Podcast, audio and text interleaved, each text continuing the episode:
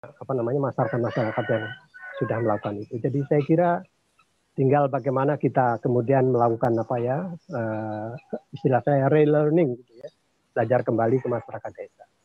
Barangkali untuk apa namanya untuk pengantar ya Pak Alvin, saya kira saya sudah sampai di sini dulu, nanti kita bisa diskusikan lebih lanjut. Ya, Terima uh, kasih. Terima kasih uh, Pak Dr. Ewanto tadi cukup menarik mengenai percepatan redesign blue dan green economy itu sendiri di masa-masa pandemi sekarang. Jadi kalau saya melihat memang saat ini uh, terjadi arus deurbanisasi uh, ke desa-desa yang tadinya sangat sulit kita melakukan urbanisasi. Tiba-tiba secara uh, otomatis terjadilah yang disebut deurbanisasi itu itu menjadi suatu momentum supaya mereka tidak uh, kembali ke kota karena mereka saat ini uh, banyak yang sudah kembali ke desa. Jadi menarik tadi Pak Pak Dr. Riwanto sampaikan bahwa sekarang momen yang paling tepat untuk mempercepat redesign ekonomi uh, biru dan ekonomi hijau atau green and blue village. Bagaimana kita manfaat, memanfaatkan kesempatan ini, jadi gerakan deurbanisasi ini akan sustain. Tentunya harus dibangun uh, program-program di desa yang sustain. Terima kasih Pak uh, Riwanto. Nanti saya ya. uh, kembali lagi. Mungkin nanti ada teman-teman narsum yang lain. Nah, saya ingin menanyakan langsung ini kepada uh, inkubator desanya ya Mas Iwan ya yang banyak inkubasi desa-desa di seluruh eh, Indonesia dalam program Gerakan Desa Emasnya. Mungkin eh, dari Gerakan Desa Emas sebetulnya sudah ketemu formula yang pas untuk membangun uh, blue and green economy uh, tersebut.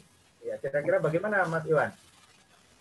Mungkin bisa bercerita dulu tentang Gerakan Desa Emas karena ini kita live di dua satelit disaksikan seluruh Indonesia, pemirsa parabola seluruh Indonesia Mungkin diceritakan dulu uh, gerakan desa masnya Mas Iwan. Baik, makasih Mas Arvin. Assalamualaikum. Uh, selamat sore buat semuanya. Uh, mohon berkenan saya sedikit memaparkan Mas Arvin. Ya, silakan. Izin ya. Silakan. Baik.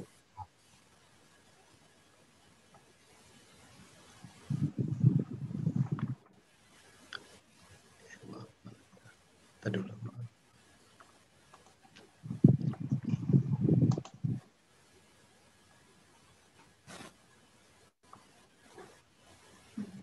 Sudah berapa lama gerakan Desa Emas masih Kita dua hari, mulai aktif 2017 Mas Arvin.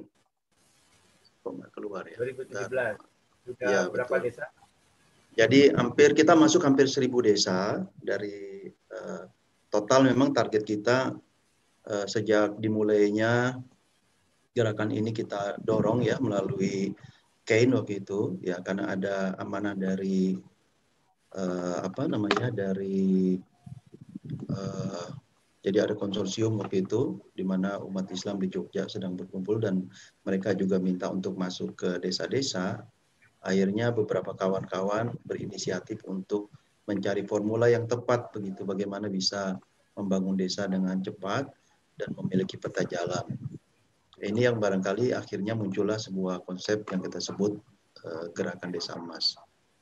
Saya cari ininya baik mas, kok keluar ya? Silakan. Keluar nggak Mas ya? Saya nggak kelihatan. Uh, uh, oh keluar ya? Deh. Apa, uh, Baik. Keluar Sudah muncul ya? Kali tulisannya. Muncul Halo? tapi uh, uh, seperti uh, oke okay. bagus bagus sudah. Sudah Mas, uh, baik. Oke. Okay, tadi uh, bagus, tadi bagus. Nah, oke. Okay. Ya. ya. Oke. Okay. Jadi uh, saya memulai dari ini memang Desa Emas ini kan sebuah lambang, lambang kemuliaan, lambang kemenangan, lambang kesejahteraan. Makanya warna itu ada dua, warna kehidupan yang ada warna hijau dan ada warna penghidupan atau warna emas. Di situ warna biru bicara tentang alam pikir, tentang ketinggian, tentang sebuah uh, keinginan besar ya yang sudah ke alamnya itu udah alamnya beda gitu. Ini kita sebut dua hal. Maka ada istilah di dalam gerakan kita itu membangun rupiah dan ruhiyah membangun kehidupan dan penghidupan. Memang harus seimbang. Jadi itulah yang disebut green economy bicara tentang keseimbangan, keteraturan, tentang masa depan yang tidak hanya di sini tapi juga di tempat lain yang juga harus kita pikirkan termasuk juga sustainable terhadap generasi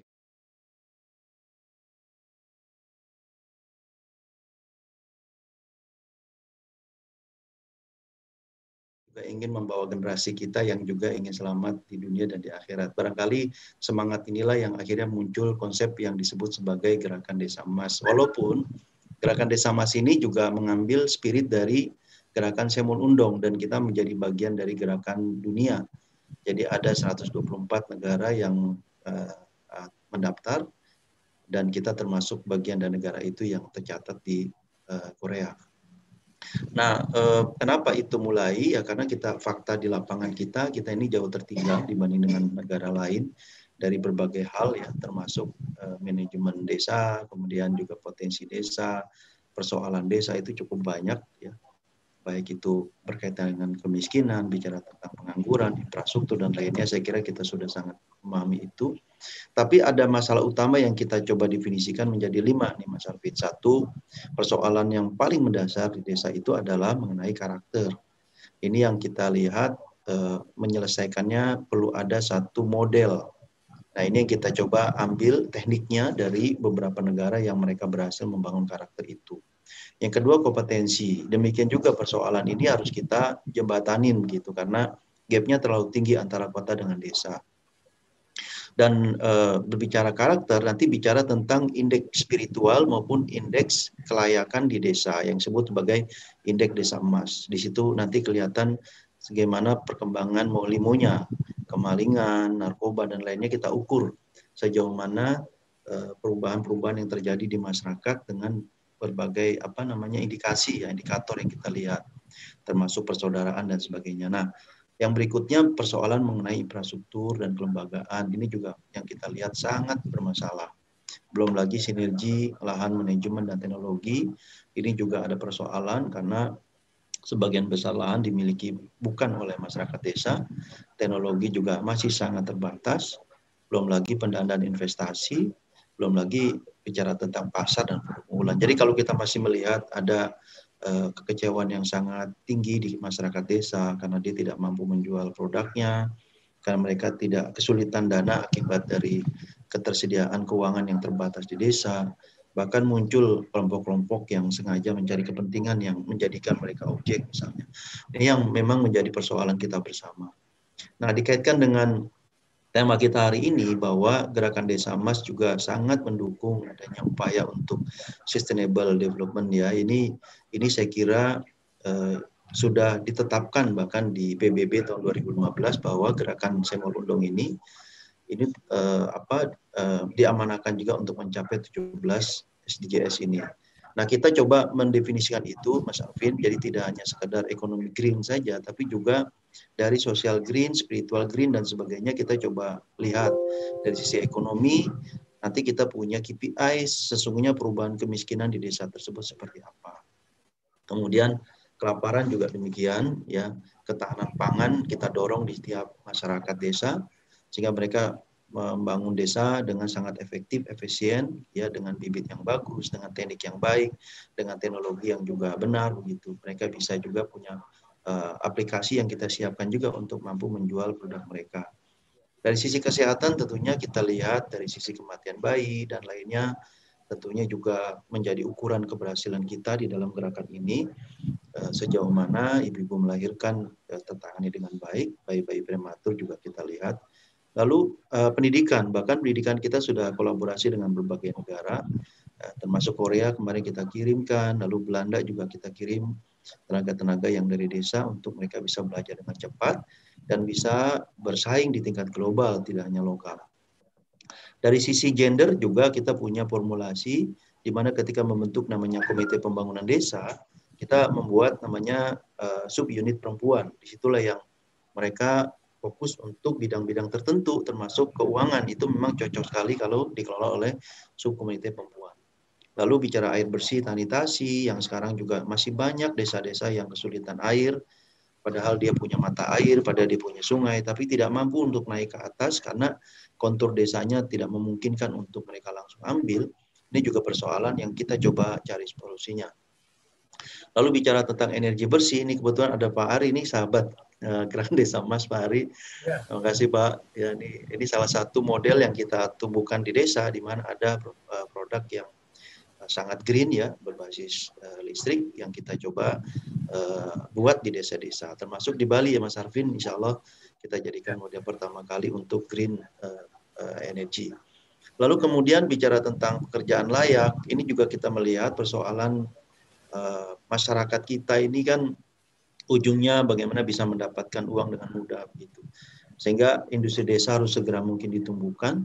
Bagaimana mempercepat pertumbuhan itu kita menggunakan teknik mengawinkan antara yang besar dengan yang kecil, yang kuat dengan yang lemah begitu sehingga beberapa tempat kita berhasil membangun industri dimiliki oleh masyarakat desa. Tadi saya kasih contohnya ada beberapa industri yang sudah dimiliki oleh desa dan mereka tentunya mendapatkan manfaat yang cukup besar. Lalu bicara tentang inovasi juga demikian ada beberapa produk yang tentunya sulit untuk diekspor. Akhirnya kita jadikan tepung tepung bawang lalu tepung cabai begitu yang kita bisa bersaing di uh, global gitu dan itu bisa bertahan lama.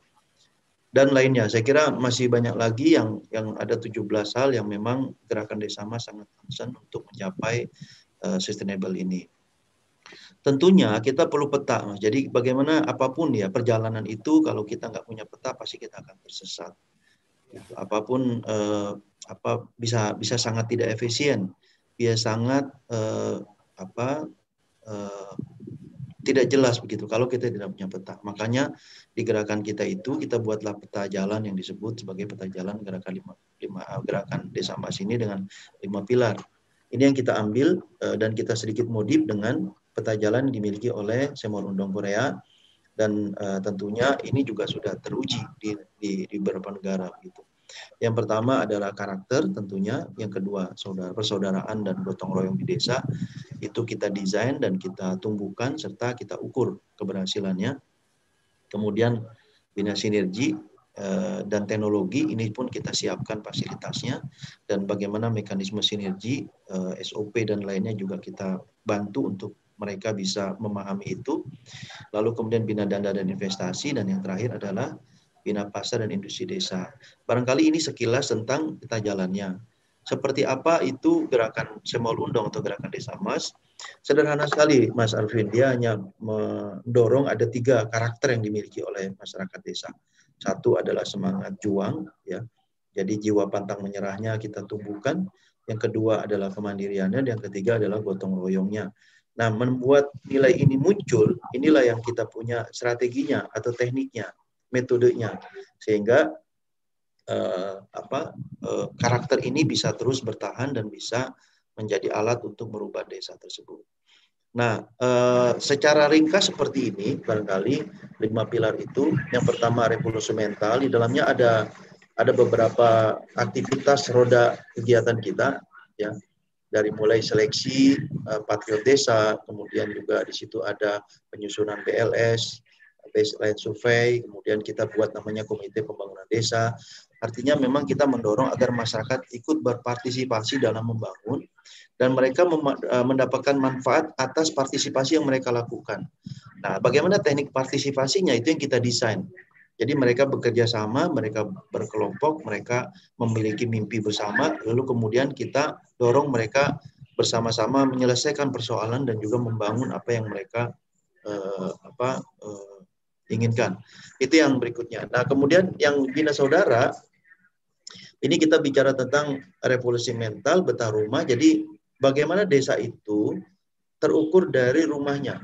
Rumah mereka yang kemudian bisa menjadi model bagi desa mereka. Maka apa kemudian kita mulai dari betah rumah dulu, kemudian baru betah desa dan e, berkah sejahtera. Itu dengan aktivitasnya yang kita lihat di sini ada 10 roda itu ya dari mulai pembentukan kelompok-kelompok usaha bersama lalu proyek-proyek yang paling mudah kemudian proyek-proyek yang uh, di, di, di, apa dihasilkan dari produk pengunggulan di desa lalu uh, membentuk produk-produk kreatif ya yang memang uh, tidak hanya berdasarkan sumber daya alam. Jadi sumber daya pengetahuan, sumber daya kreativitas itu dimunculkan juga. Tentu nanti larinya kepada produk kreatif dan uh, para wisata yang didesain dengan potensi yang ada saat itu. Dan seterusnya sampai dengan uh, yang kita sebut sebagai 10 roda gerakan desa emas. Dari terjemahan lima pilar, lalu kita terjemahkan menjadi tiga aturan dasar dan juga lima proyek yang kita kembangkan di dalam gerakan desa emas. Nah, kuncinya tuh di sini, Mas Alvin. Jadi memang di dalam membangun desa itu ya harus ada petarung-petarung gitu. Nah, petarung itu yang kita sebut patriot desa yang bisa berperang melawan musuh di desa, apa itu kemiskinan, kelemahan, kemudian lainnya ya. Itu yang kita jelaskan ini loh musuh kalian yang sesungguhnya. Lalu bagaimana cara melawannya, strateginya seperti apa, kemudian juga mental apa yang dimiliki untuk melawan itu, nah itu yang kita siapkan dan kita jelaskan. Maka latihannya aja seperti militer, Mas. Jadi mereka itu pagi, kalau sore juga upacara, lalu mereka eh, harus terbiasa dengan lingkungan yang keras gitu. Jadi kita latih mereka di dua lokasi, satu lokasi pantai, satu lagi lokasi gunung. Jadi orang yang terbiasa dengan suasana panas, dia merasakan nyaman, tapi ketika masuk ke gunung dia merasa. Jadi memang kita ada metode yang kita buat agar secara di tahap awal mereka sudah uh, siap dengan situasi yang sangat beda, lalu dengan paradigma yang juga jauh berbeda begitu. Nah ini yang kita lakukan di beberapa desa. Ini salah satu contohnya di uh, Kabupaten Probolinggo. Nah ini contohnya. Jadi beberapa yang sudah kita latih yang apa aja sih yang dilakukan ketika bicara tentang membangun desa mereka. Ya di sini ini yang dilakukan oleh mereka. Jadi ada satu desa yang pemilihan kepala desanya itu saja itu dibiayai oleh desa. Jadi mereka punya dana, jadi tidak lagi pemilihan desa itu dikeluarkan oleh kepala desa gitu, dibayarin oleh masyarakat. Kimpitan mereka juga sangat tinggi, mereka sudah punya pom bensin, mereka punya kapal 50 kapal gitu. Ini salah satu desa di uh, di, di, di nelayan ya di pantai namanya Desa Eretan Kulon di di mana di uh, Indramayu. Apa yang mereka lakukan di sini uh, karakter yang mereka bangun pertama mereka ada gerakan-gerakan di uh, komunitasnya ada namanya itu uh, gerakan pengajian di rumah dan di ini di, di kapal. Jadi uh, ada ustadz-ustadznya itu dikirim untuk tidak boleh ada lagi yang uh, buta huruf Al-Quran gitu. Mereka sudah punya komitmen. Kalau di Tangerang ada namanya gerakan Hayala Sola. Ini untuk yang uh, mayoritas beragama Islam. Mereka buat gerakan seperti itu.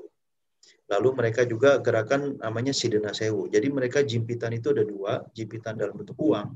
Itu dilakukan oleh anak-anak yang SD, SMP. Mereka setiap hari itu ada saweran seribu rupiah dikumpulkan lalu dikelola oleh Betul Mal Desa gitu.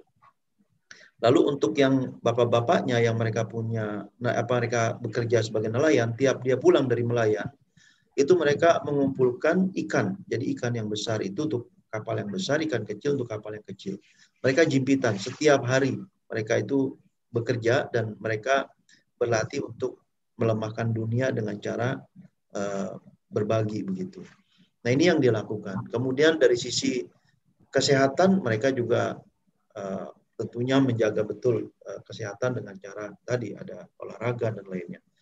Lalu kemudian mereka juga ada kegiatan-kegiatan uh, pendidikan online ya dan juga pelatihan keahlian digital yang mereka lakukan begitu. Nah ini contoh uh, bina karakter. Ya, tentunya ada pelatihan patriot desa. Kami waktu itu sempat melatih ada sekitar 30 orang ya di desa yang mereka bersedia menjadi relawan. Jadi tidak digaji, Mas Arvin. Mereka betul-betul dengan tulus menyatakan dirinya siap menjadi relawan yang disebut patriot desa. Lalu mereka buat pernyataan kesediaan itu, lalu kita latih. Nah, di dalam pelatihan itulah mereka di, di apa namanya didorong agar menjadi seorang entrepreneur. Karena emas itu singkatan entrepreneur, mandiri, adil, dan sejahtera. Jadi dia harus mewujudkan spirit entrepreneurship di dalam desa tersebut. Nah ini ini ini kegiatan-kegiatan lain yang dilakukan di desa Eretan Kulon. Ya di Bina Saudara mereka menutup satu lembaga di situ ada gerakan talim ibu-ibu, lalu gerakan untuk memperbaiki rumah, lalu membersihkan jalan dan lainnya. Kemudian juga gerakan sehat balita, ya. Kemudian juga eh, mereka juga buat eh, kegiatan-kegiatan yang membangun sinergitas dan juga teknologi sehingga ada beberapa negara-negara yang cukup tertarik dan mereka akhirnya berkolaborasi dengan desa ini termasuk dengan Jepang, dengan Belanda, ya kemudian dengan juga uh, uh, termasuk juga ada beberapa yang masuk ke sana, termasuk juga Korea yang sempat mereka uh, membuat kegiatan-kegiatan di desa tersebut yang akhirnya desa tersebut semakin dekat dengan global begitu dan inilah pendidikan kepada pemuda-pemuda desa agar mereka tidak minder begitu. Dan sekarang sudah ada beberapa yang ke Jerman, anak-anak mudanya ya ada empat orang yang disiapkan untuk berangkat ke Jerman. Patriot desanya itu sudah berangkat hampir ke 10 negara karena prestasi dia cukup bagus untuk membangun masyarakat. Eh, di bidang yang lain, misalnya di bina dana investasi, sekarang mereka sedang membuat ada yang disebut sebagai uh, tepung ikan, jadi pabrik susu ikan ya itu jadi. Memang belum ada banyak desa-desa yang mendorong adanya optimalisasi hasil buangan ikan itu yang mereka sedang buat dengan uh, marketnya juga sudah ada dan juga ada beberapa yang berkolaborasi untuk membantu pembangunan pabrik susu ikan ini. Setelah mereka punya bank sampah, mereka punya KUD, mereka punya eh, koperasi, mereka punya kapal, mereka punya pom bensin. Ini sekarang mereka sedang membangun namanya pabrik susu ikan. Nah ini yang eh, barangkali eh, strategi yang kita bangun agar desa tersebut semakin kuat dan kesadaran untuk menjaga masa depan ini semakin tinggi. Ya, jadi dia ada eh, lelang ikannya tuh dia ada namanya dana peceklik, dana pendidikan, dana sosial kesehatan gitu. Dan mereka gratis tuh Mas kalau sekolah ya dan mereka punya sekolah namanya SMK Hasanuddin tuh itu gratis karena dibiayai oleh kegiatan mereka di dalam Jimpitan. Lalu ini uh, salah satu model produk yang mereka miliki, ya ada produk hasil dari tentunya pelelangan, kemudian juga produk UKM yang di yang di yang dikumpulkan di dalam bumdes, kemudian juga uh, produk hasil olahan ikan. Jadi mereka sudah punya hasil olahan ikan bagus-bagus, mas. Ada sekitar 15 produk yang mereka miliki yang mereka sudah bisa jual ke kota dengan packaging yang cukup bagus begitu. Dan itu dimulai eh, inkubasinya dari SMK yang ada di sana, lalu kita dorong untuk bisa dijual di eh, luar desanya. Dan sudah cukup bagus dia punya produk. Itu satu contoh, satu desa.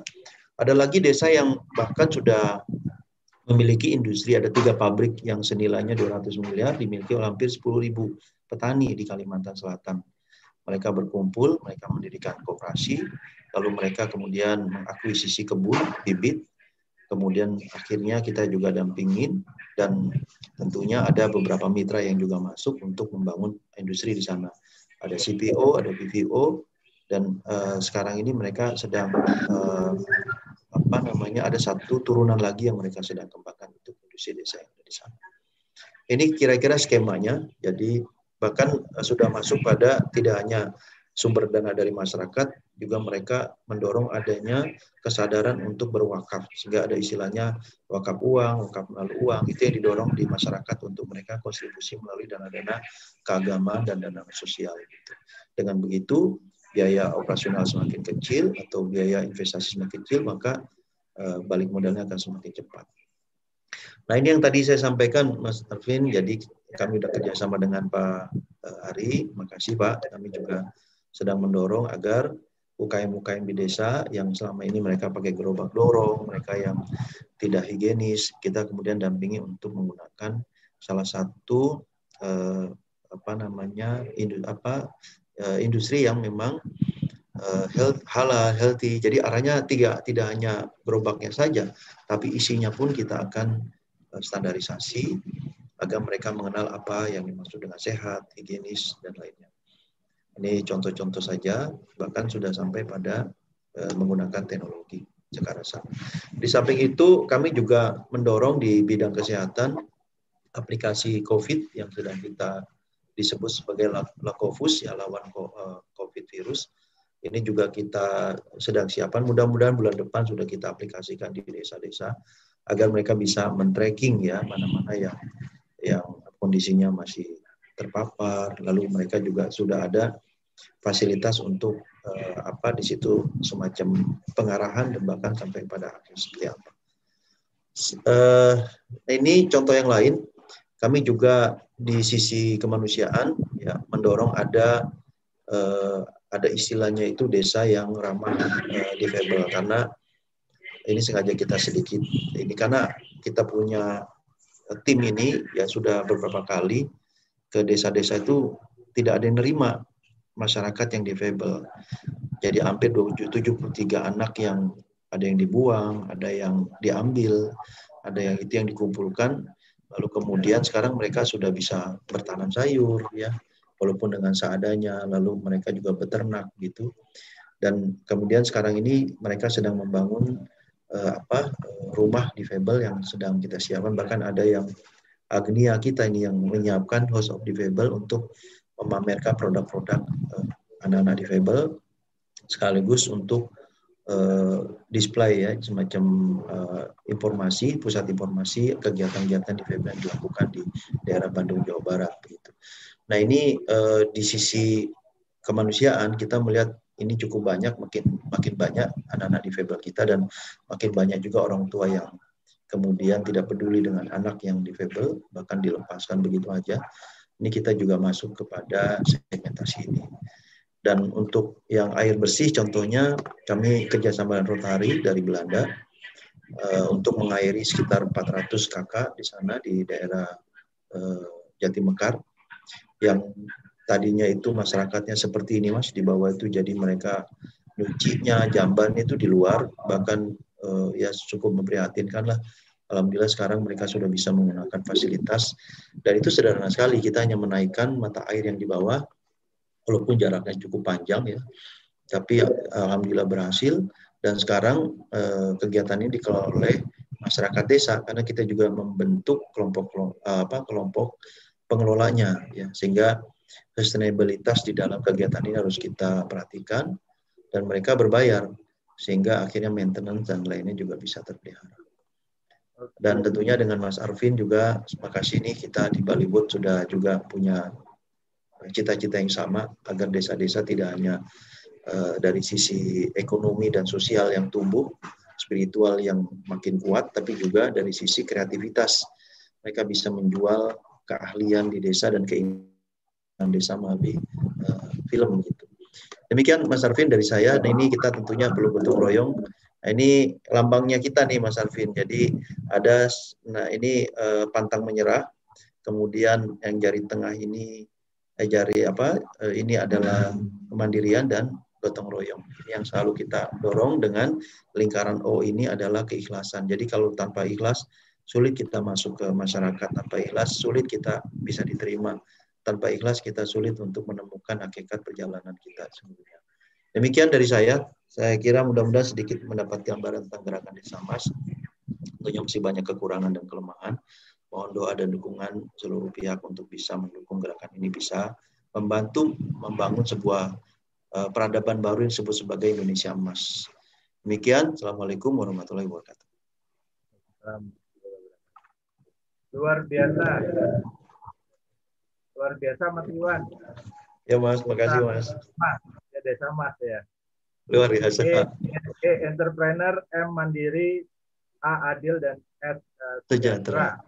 Ya, ada rupiah. Jadi sebelah kanan itu rupiah, sebelah kiri itu rupiah. Jadi yang disebut entrepreneur dan mandiri itu bicara tentang rupiah. Tapi kalau bicara tentang bicara tentang apa tadi adil dan kesejahteraan, kedamaian itu bicara tentang rupiah. Nah, dua inilah yang kita kolaborasikan di dalam sebuah kawasan. Demikian Mas Arvin. Terima kasih. Thank you Mas Iwan. Kerabat desa jadi uh, majunya sebuah desa, desa yang kita sebut desa maju bukan hanya berarti desa yang modern, tapi desa yang berkarakter. Ya, kira-kira demikian ya Mas Iwan. Ya, betul nah, Mas. Uh, apakah nanti tujuannya uh, untuk yang desa sejahtera tadi membangun desa industri juga karena tadi saya lihat kan membangun UKM UKM. Ya, jadi penghidupan itu nanti bicaranya tentang perlawanan ekonomi global. Dan memang kalau lihat dari uh, indeks industri kita itu sangat rendah, sehingga akhirnya memang kita mau tidak mau harus uh, membangun industri desa dan menggunakan teknologi yang juga bisa bersaing dengan teknologi luar dari sisi efektivitas, value editnya, efisiensinya begitu. Nah, kenapa? Karena banyak produk-produk di desa gitu yang belum bisa terserap ya dengan kondisi yang ada saat ini. Demikian, Mas. Terima kasih. Kerabat desa, nanti kita uh, diskusi lagi dengan Mas Iwan. Ya, kita ketahui sekarang menuju era blue economy dan green economy, membangun uh, green industry. Tentunya pada saat uh, kita membangun green industry, itu semua sebetulnya ada di desa, termasuk renewable energy ada di desa. Jadi ke depan banyak industri-industri akan uh, shifting ke desa, tentunya dengan peningkatan SDM desa, semakin banyak nanti industri uh, membangun desa bersama-sama dan menjadi green ekonomi nasional. Mari kita sapa dulu uh, Ibu Erli, Mbak Erli, Erli. Bu Erli, uh, ya kita kita sapa dulu. Tadi Pak Mas Iwan berbicara tentang peran tetrahelik, jadi membangun sebuah kawasan desa yang terintegrasi atau smart village. Uh, dibutuhkan peran semua pihak atau uh, tetrahelik ya. Tetrahelik kira-kira dari pengalaman uh, Mbak Erli sendiri membangun desa Sleman kan uh, kita ketahui Mbak Erli membangun sebuah desa wisata yang terintegrasi dan juga banyak pengalaman menjadi tenaga ahli beberapa kementerian sebelumnya. Nah, dan pelaku langsung di lapangan uh, dan menjadi sekarang menjadi warga desa. Silakan. Kira-kira bagaimana uh, uh, kira-kira? Ya. Ya gini, ya, terima kasih ya Arvin dan kawan-kawan semua.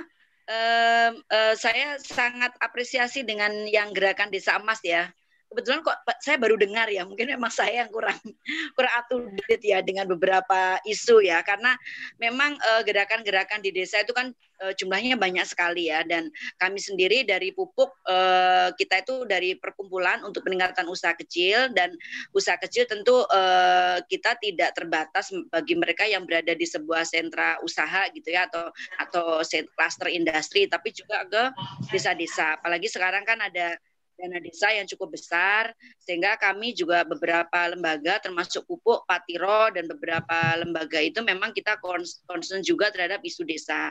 Ada sebuah grup kita namakan kedesa.id Pak. Jadi itu tapi memang kita itu tidak tidak hanya sebatas masalah uh, ekonomi ya, tapi semua termasuk kebijakan, kepemerintahan dan lain-lain.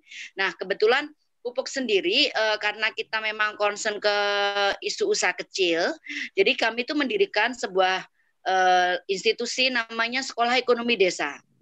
Nah, Sekolah Ekonomi Desa ini berdiri sejak 2015 memang masih di bawah pupuk ya.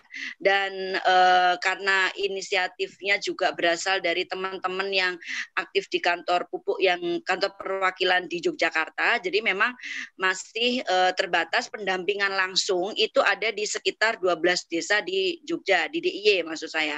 Ada di ada di masuk mayoritas di Gunung Kidul, Kulon Progo dan Bantul. Jadi kami malah belum masuk ke Sleman sebenarnya. Nah, kebetulan kalau di Sleman ini uh, ada kolaborasi baru gitu. Jadi uh, jadi ada dua hal yang sedang kami kerjakan sekarang. Yang pertama memang pendampingan khusus pada bumdesa dan UKM di desa. Itu ada di ada di tiga kabupaten ya yang tadi saya sebutkan. Sebenarnya tidak hanya sebatas itu, kami sudah melakukan berbagai workshop.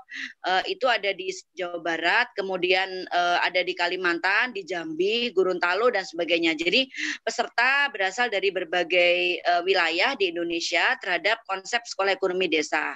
Yang jelas eh, kalau kami itu mengusung pengembangan ekonomi desa berdasarkan daya saing ya. Jadi daya saing UKM di desa.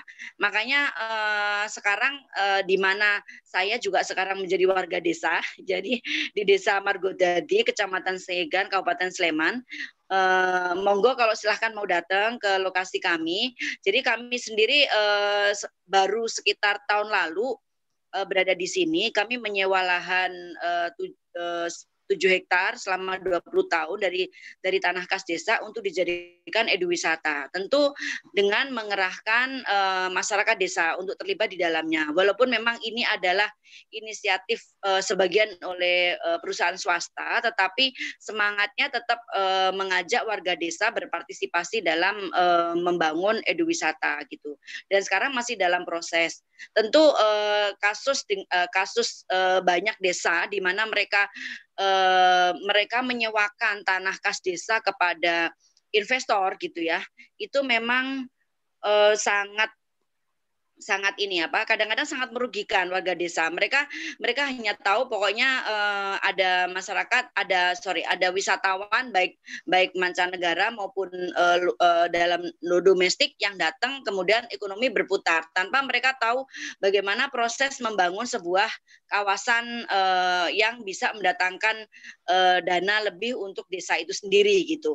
Jadi kadang-kadang desanya juga uh, ini apa namanya mereka masih masih sekedar oke okay, saya udah dapat uh, uang sewa gitu ya.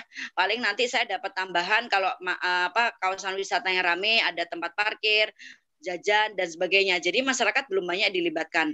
Nah di sini saya uh, di Desa Margodadi ini uh, saya berusaha agar masyarakat desa itu nanti terlibat dalam proses uh, apa uh, bagaimana menghidupkan kawasan ini gitu ya. Walaupun tadi sekali lagi melibatkan investor juga karena memang kebetulan di desa ini uh, belum ada boom desa. Jadi boom desa itu belum ada, tetapi UKM desa itu sudah banyak tentunya. Nah ini yang menjadi PR bagi kita semua. Nah pengalaman pupuk sendiri dalam uh, atau sekolah ekonomi desa dalam membangun desa-desa uh, bersama-sama dengan perangkat desa dan juga pendamping desa ya, karena mereka sendiri kan sebenarnya sudah uh, dari pemerintah sudah ada tenaga pendamping yang digaji bulanan itu ya oleh Kementerian Desa, tetapi mereka memang kebanyakan masih berorientasi kepada uh, capaian uh, laporan dana desa, kemudian musyawarah desa dan sebagainya. Belum fokus kepada pemberdayaan masyarakat secara umum, khususnya ekonomi gitu. Jadi makanya kalau ada gerakan uh, desa emas, mungkin nanti lebih baik kita bisa berkolaborasi ya, karena inisiatif tentang membangun desa ini sudah cukup banyak uh, dimiliki oleh banyak banyak pihak atau stakeholders dan tentu saya sangat gembira karena di Indonesia ini kan ada sekitar 74 ribu desa, Arvin. Jadi kalau terus yeah. kemudian gerakan desa emas kan uh, seribu desa itu sudah cukup bagus. Nah tambah lagi yang lain-lainnya masih uh, PR-nya masih banyak. Nah kebetulan kemarin saya diundang oleh Kementerian eh, Koordinator Pembangunan Manusia dan Kebudayaan gitu ya. Karena mereka yang menjadi eh, apa koordinator dari beberapa kementerian termasuk Kementerian Desa mereka membahas uh, rakornya di Jogja, membahas tentang pengembangan UKM di desa. Nah, salah satu yang diangkat itu adalah tadi kalau misalnya uh, di desa-desa gerakan emas ya, yang yang gerakan desa emas, maaf, gerakan desa emas itu kan ada uh, konsep bagaimana uh, pemasaran dan permodalan UKM di desa itu uh, dikerjakan bersama-sama. Nah, kemarin itu sudah cukup menarik. Artinya kementerian sudah mulai melirik teknologi. Jadi uh, mereka mengundang Asosiasi Fintech Indonesia gitu. Jadi Asosiasi Fintech Indonesia mempresentasikan tentang uh, konsep uh, urun dana yaitu crowdfunding untuk membiayai UKM-UKM uh, di Indonesia. Karena gini, ini ini juga menjadi perhatian pupuk juga. Saya nggak tahu ini bisa jadi topik tersendiri ya sebenarnya, tapi sekilas saya akan sampaikan pupuk sendiri sekarang sedang membangun platform equity crowdfunding. Kami sudah punya perusahaan, uh, tinggal proses perizinan ke OJK ke, dan uh, apa bedanya dengan uh, tiga crowdfunding lain yang sudah ada ya yang khusus bisnis ya bukan yang sosial ya. Kalau yang sosial kan ada kitabisa.com misalnya ya. Tapi yang bisnis itu kan ada santara.co.id kemudian ada bizare kemudian ada dana mart kalau nggak salah baru tiga itu yang yang dapat izin dari OJK nah kami sekarang lagi proses izin. Bedanya dengan mereka itu adalah pupuk ini sudah berpengalaman selama 30 tahun dalam pendampingan UKM jadi bagi des, bagi UKM uh, terutama mikro ya, mikro kecil lah atau ya mikro kecil menengah lah yang memang berminat untuk mendapatkan pendanaan melalui dana publik lewat equity crowdfunding platform itu eh, kami bisa garansi karena bisa garansinya mereka adalah UKM yang pantas untuk dibantu karena kami mempunyai jaringan pendamping UKM seluruh Indonesia. Jadi kami eh, kan kami bagian dari Asosiasi Business Development Service ya ABDSI. Itu adalah jaringan pendamping UKM baik mereka secara individu maupun lembaga. Lembaganya berupa, baik berupa PT, CV maupun uh, berupa NGO, yayasan atau perkumpulan. Nah, salah satunya pupuk masuk di dalamnya. Jadi kerjasama dengan para pendamping ini cukup penting karena apa? Kan kalau kita lihat ya, kalau misalkan anda tahu apa equity crowdfunding yang Santara itu ya, itu sudah terlihat statistiknya. Yang apply untuk dibiayai itu ada sekitar 5.000 sampai 6.000 UKM. Tetapi karena mereka tidak punya formula bagaimana menyeleksi, karena kan hanya berdasarkan dokumen yang masuk ya, apakah usahanya ini seperti ini, dok keuangannya begini begini. Tapi kan mereka nggak kenal dengan ownernya kan sebenarnya gitu loh. Nah kalau kami nanti eh, mudah-mudahan ya Insya Allah dengan konsep kami itu dijamin yang akan dipublish untuk didanai bersama itu adalah sudah digaransi oleh para pendamping yang memang sudah tersebar seluruh Indonesia. Jadi jadi sebelum dipublish itu kita udah tahu karakter ownernya, apakah UKM itu benar-benar emang uangnya dipakai untuk usaha yang di, dipromosikan dan sebagainya gitu. Karena e, bandingannya di, di di Santara atau Bizare misalnya yang apply itu 5.000 6.000 tapi yang baru dipublish itu sekitar 60. Jadi kan jauh banget kan, karena mungkin metode untuk mencari eh, apa namanya benar UKM yang benar-benar pantas dan memang dia eh, apa namanya di, bisa didanai publik itu tidak mudah gitu karena si penyelenggara platform ini harus mengetahui betul siapa sih sebenarnya yang punya ini gitu kan itu loh. Nah itu yang mungkin uh, hal yang unggul yang kami miliki gitu. Jadi kami kemarin sudah melakukan workshop dihadiri oleh 100 orang lebih uh, secara online juga di dibuka oleh OJK, Kementerian Koperasi UKM, mereka menyambut baik karena memang betul Mas Mas Fuad ya, Mas Iwan Fuad ya, bahwa pendanaan UKM itu tidak mudah untuk uh, di di apa, di apply oleh diakses oleh para UKM karena mereka uh, khawatir tentang kolateral misalnya ya. Kalau Uh, kemudian juga uh, bunga kredit dan sebagainya. Kalau nanti konsepnya adalah bagi hasil atau misalnya berdasarkan gotong royong, misalnya memakai dana dari uh, tadi baitul mal dan sebagainya, itu tetap kan ada jaminan tertentu yang harus di kemungkinan ya ada jaminan tertentu yang paling tidak harus di harus dikemukakan karena kalau bersih kolateral itu uh, akan sulit uh, apa institusi keuangan itu untuk mengabulkan seperti itu. Nah makanya uh, kalau tadi misalnya Baitul Mal itu memang benar-benar dikelola oleh lokal dan masyarakat tahu ini siapa yang punya dan sebagainya itu sangat bagus ya. Ibaratnya itu adalah mini crowdfunding gitu ya.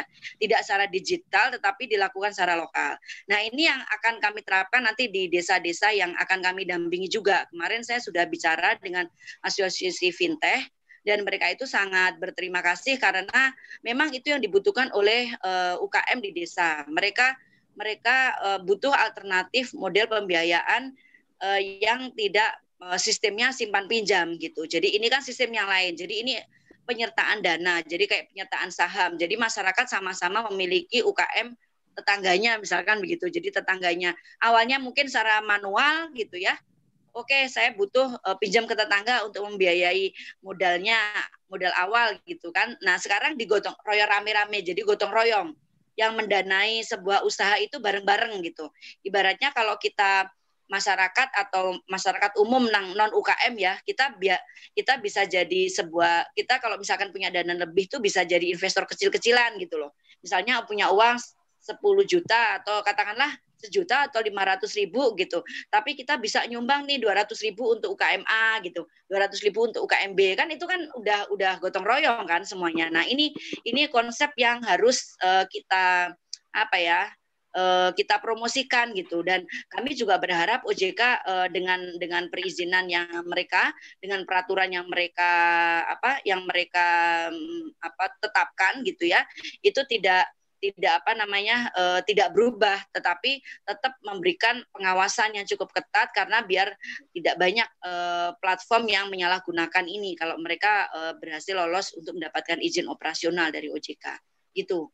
Nah, tentang pengalaman di desa kami uh, cukup menarik karena peluangnya sangat banyak, hanya memang dibutuhkan orang-orang yang cukup jeli untuk melihat, katakanlah menganggap uh, sebuah desa itu sebuah potensi dana tadi ya bilang ada dana dana uh, dana yang bisa di uh, yang bisa di, didapat dari potensi yang uh, ada di desa itu. Jadi misalnya uh, kalau saya sih di sini saya membuat paket-paket wisata yang banyak melibatkan masyarakat desa gitu. Jadi bagaimana mereka kita bikin paket uh, camping, kemudian jalan kaki, kemudian naik sepeda, tetapi nanti kita bisa ngampiri para UKM yang ada di desa ini gitu. Misalkan mereka punya kebetulan di sini tuh lokasinya banyak dengan sentra industri gerabah ya.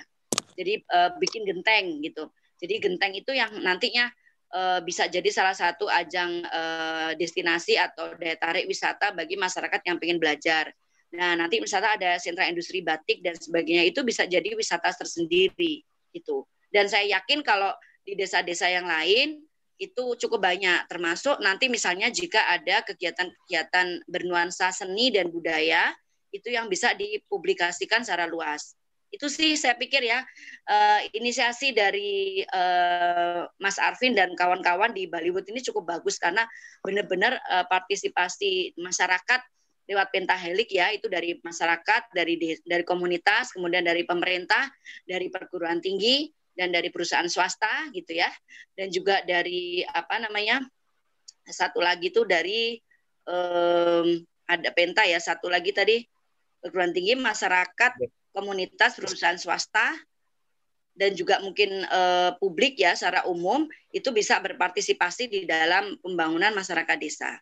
Nah, ini merupakan salah satu hal yang menurut saya pengalaman kami dalam pendampingan ini memang harus disinergikan. Itu sama dengan konsep eh, meningkatkan daya saing eh, di daerah. Jadi kita kita tarik yang kecil kalau kita bicara desa berarti konsep daya saing di desa gitu ya.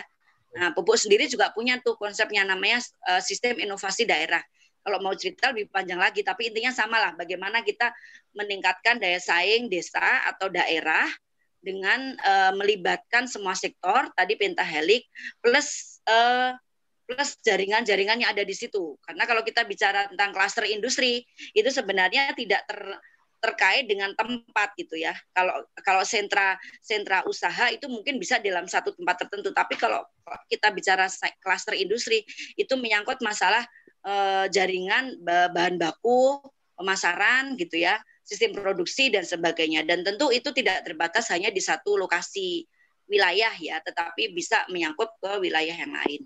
Itu sih. Terima kasih atas uh, perhatiannya.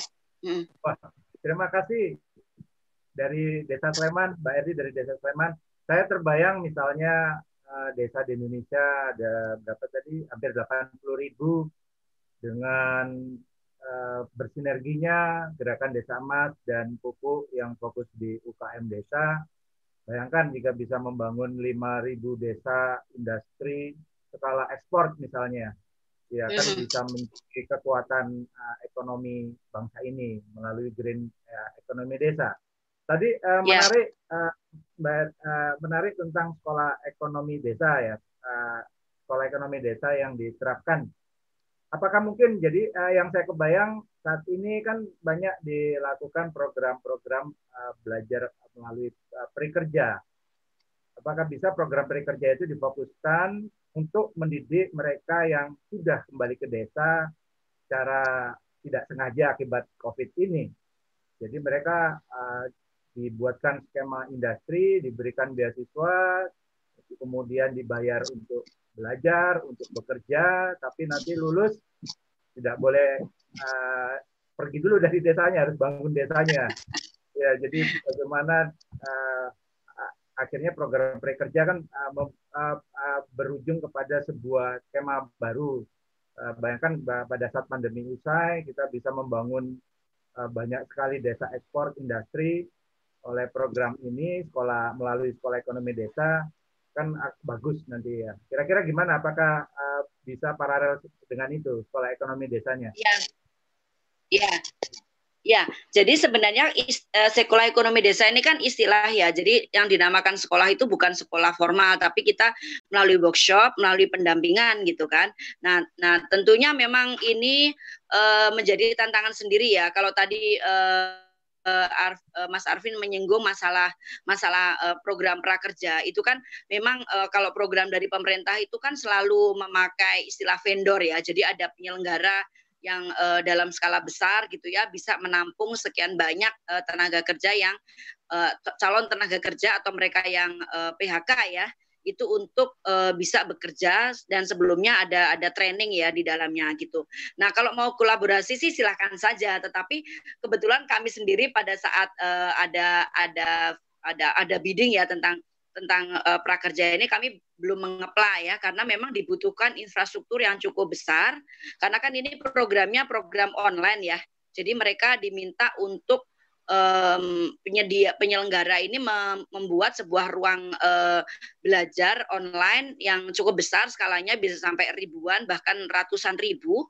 Karena kan targetnya sekitar berapa kemarin? 7 juta ya kalau nggak salah ya. 7 juta uh, yang apply gitu ya. Mereka dikasih dana tetapi sebagian itu untuk uh, uh, membiayai kursus yang secara online. Dan kemudian uh, juga membelanjakan vouchernya itu untuk uh, ini apa sebagian berbelanja di uh, di mitra-mitra pemerintah yang menyelenggarakan uh, pelatihan prakerja itu gitu. Jadi memang itu konsepnya konsepnya itu sebenarnya cukup bagus karena mereka ibaratnya integrated ya. Jadi ada trainingnya, kemudian ada ada kalau misalkan training dia kemudian tertarik untuk berusaha di sektor tertentu. Nah, untuk membelanjakan modalnya itu membelanja uh, sorry untuk membuat sebuah sebuah usaha tertentu itu kan butuh butuh produk ya. Nah, produk-produknya itu bisa mereka beli melalui dari voucher ke uh, market marketplace gitu ya yang sudah ditunjuk juga gitu. Nah, sebenarnya itu integrasi banget.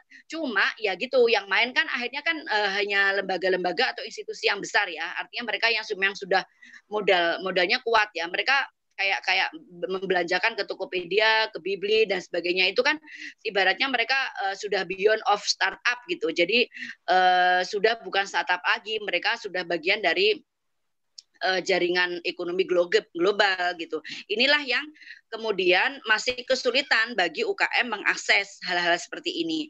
Nah, tetapi pemerintah memang punya program lain seperti uh, bagaimana ada panduan yang kemarin baru dikeluarkan bagaimana agar uh, pro, uh, jasa atau agar UKM dan koperasi itu bisa mengakses bisa mengakses atau menyediakan barang dan jasa yang dibutuhkan oleh pemerintah. Nah, itu sudah sudah mulai mulai bisa tuh di situ. Hanya saja kami dari Sekolah Ekonomi Desa belum belum apa belum sempat uh, ada workshop soal itu. Jadi kami masih menjadwalkan. Mudah-mudahan nanti di beberapa waktu yang tidak lama lagi kami akan menjadwalkan beberapa workshop menyangkut hal itu gitu ya.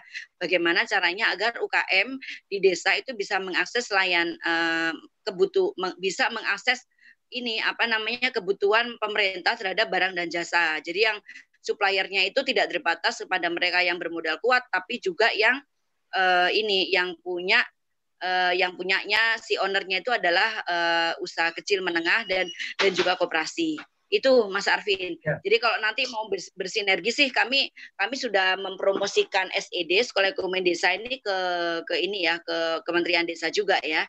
Tetapi memang karena kami sendiri masih gerakannya masih uh, kecil gitu ya. Uh, walaupun tadi sudah ada beberapa provinsi juga, kami memang masih mulai membangun dan memproses. Tetapi di kalau di kalangan Jogja ya, maksudnya DIY itu sudah sudah cukup cukup dikenal sih karena memang kebetulan inisiasi kami memang dari dari Jogja gitu. Ya, saya hanya terbayang ini bayangan saya saja uh, mereka yang saat ini sudah the urban ke desa ini kan uh, sebuah kesempatan besar ya karena kita dua yeah. susah sekali melakukan deurbanisasi. Sekarang karena pandemi ada mm. ada blessing in disguise, mereka ada di desa saat ini. Bagaimana jika mereka kita paksakan untuk bertransformasi, ya belajar apa yang mereka punya saja di desa, sumber daya alamnya apa, yeah. sumber daya yeah. apa, saya rasa mm-hmm. kerjanya mereka cukup belajar itu ya dan mereka nanti yeah. di, ditugaskan membangun desanya menjadi sebuah desa industri. Nah, yeah. mungkin uh, nanti kita diskusi lagi. Saya ingin menyapa Narsum, ada masih ada Narsum, uh, Pak okay. Ari. Mungkin desa industrinya desa industri uh, motor listrik ya yang warga desa yang sekarang di urban yang dulunya di PHK dari pekerjaan contohnya di Bali mungkin uh, keluar dari pekerjaan di hotel sekarang hotelnya lagi off operation tapi kita transformasi kita paksakan bagaimana belajar uh, hal tertentu tapi nanti harus bangun desa industri. Nah, kita ingin mendengar dulu dari Pak Ari, diploma ING, Ari Cahyono Gelis. Wah, Gelis, mohon maaf Gelis bukan nama ya, ini Gelis ininya ya, nama brand ya. ya, kita ini kita lihat ini salah satu uh, produk uh, green industry ya mendukung green economy desa tidak saja dalam penerapan teknologi aplikasi di desa tetapi juga saya rasa bisa sampai dengan ekonomi desa. Nah, nanti mohon tanggapan dari semua narsum uh, tentang produk ini tapi juga antar narsum saling menanggapi. Silakan Pak Ari, apa yang mau dipresentasikan?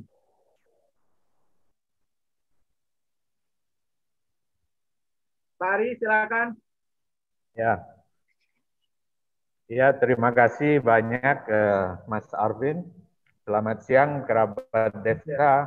Selamat siang sahabat saya Pak Iwan Fuad dan Pak Riwanto, Ibu Erli, dan saya juga punya sahabat di sini sedang menonton Pak Subiono. Beliau Oke. ini ahli dalam bidang uh, penerbangan ya aviation. Beliau sangat tertarik eh, dengan eh, liputan di sini. Jadi beliau akan oh, saya. Ya, ya. Baik, terima kasih. Saya akan coba untuk Silakan Pak Ari. Mengenai mengenai uh, produk kami yaitu gelis. Bisa dilihat Mohon maaf. Ya. Ya, bisa, bisa. Ya. Jadi eh, saya ada dua paparan. Yang pertama gelis produk kami dan nanti kalau waktunya masih cukup saya akan presentasi mengenai proyek kami di Bali yaitu e-mobility uh, Bali. Jadi mungkin uh, gelis dulu. Jadi gelis ini atau gerobak listrik ini kami ciptakan uh, dari ide-ide, kemudian desain dan uh, yang lain-lainnya persiapan itu di 2019 awal. Jadi saya mohon maaf, uh, saya sendiri juga sudah lama bekerja di bidang di sektor otomotif ya saya bekerja dengan perusahaan Jerman Daimler yang memproduksi Mercedes-Benz itu sudah 24 tahun dan juga uh, tim Gelis ya beberapa dari teman-teman di tim itu juga uh, dulunya telah bekerja di perusahaan otomotif uh, multinasional. Jadi kami bergabung bersama kemudian menciptakan uh, Gelis ini untuk uh, segmen atau pasar UMKM karena kami ingin memberikan sedikit kontribusi uh, di segmen tersebut di segmen UMKM tersebut uh, dari pengembangan ekonominya dan sumber daya manusianya. Jadi itu sesuai dengan visi dan uh, misi kami ya bahwa visi kami itu uh, gelis diciptakan untuk mendukung modernisasi pola dagang pelaku ekonomi uh, kreatif sesuai dengan perkembangan zaman. Jadi itu uh, tujuan kami. Kemudian misinya juga disesuaikan menghasilkan produk yang terjangkau dan berkualitas tinggi. Ini memang agak sulit ya di zaman sekarang, tapi kami terus berusaha berjuang untuk bisa uh, mencapai uh, misi kami ini. Kemudian pengembangan teknologi ramah lingkungan yang berkesinambungan sesuai perkembangan zaman ini juga uh, ada beberapa tantangan yang harus uh, kami lalui ya karena sosialisasi mengenai ramah lingkungan di Indonesia ini masih ke, sangat menantang sekali karena beberapa masyarakat masih uh, belum apa ya aware untuk uh, mengerti apa itu ramah lingkungan, terutama mengenai pengurangan uh, polusi udara ya. Kemudian nah, fokus terhadap uh, kepuasan pelanggan. Jadi ini eh, latar belakangnya sebenarnya ya kita sudah merdeka 75 tahun, tetapi kalau kita lihat di beberapa tempat itu eh, pelaku usaha UMKM itu masih mendorong gerobaknya untuk berjualan dan eh, memang pada akhirnya beliau-beliau eh, ini eh, tidak akan fokus ke usahanya karena mungkin kalau mendorong 500 meter sudah capek jadi mungkin uh, apa ya kepuasan pelanggannya mungkin uh, kurang ya. Maka dari situ kami menciptakan uh, gerobak listrik ya untuk bisa merubah uh, semuanya menjadi produktif. Ini uh, ya terobosan baru ya eh, dengan menggunakan kendaraan listrik. Ya, tentunya lebih produktif, lebih ekonomis dan uh, harganya terjangkau. Ini adalah contoh uh, kami mempromosikan gelis di masyarakat. Ya. Responnya juga sangat positif sekali, sangat bagus. Ini adalah uh, komponen utama sebenarnya sangat simpel kalau kendaraan listrik itu ya. Kita lihat di sini ada baterai, ada motor dan penggeraknya, diferensialnya, dan uh, controller itu adalah alat elektronik yang mengontrol semua aktivitas atau uh, kegiatan daripada komponen-komponen listrik. Jadi tiga komponen utama ini yang sangat penting dalam di kendaraan uh, bermotor listrik. Nah ini contoh baterai ya kami sebenarnya bisa menggunakan lithium ion baterai, tetapi karena segmen pasar kami itu adalah UMKM, jadi kami akan sesuaikan harganya dalam hal ini. Maka kami memilih baterainya itu VRLA, VRLA ya. Itu adalah valve regulated lead acid battery. Itu adalah baterai yang performanya atau kinerjanya di atas baterai yang biasa digunakan di mobil-mobil ya atau di kendaraan uh, uh, bermotor ya. Tetapi uh, performanya mendekati lithium ion. Jadi uh, harganya uh, juga jauh lebih murah daripada lithium. Jadi kami memilih baterai itu supaya bisa masuk ke pasar UMKM dalam hal ini. Jadi kalau kita lihat perhitungannya, kalau kami menggunakan 48 volt baterai dan uh, 26 ampere hour itu penggunaannya sampai dengan satu setengah jam atau 45 km jangkauannya. Kalau kita menggunakan kapasitas baterai yang lebih besar, ini contohnya sebelah kanan 64 ampere hour ya dengan 48 volt itu eh, kita bisa mengendarai kendaraan tersebut gelis menggunakan gelis tersebut eh, dalam waktu 3,8 jam. Jadi hampir 4 jam bisa kita gunakan atau 114 km.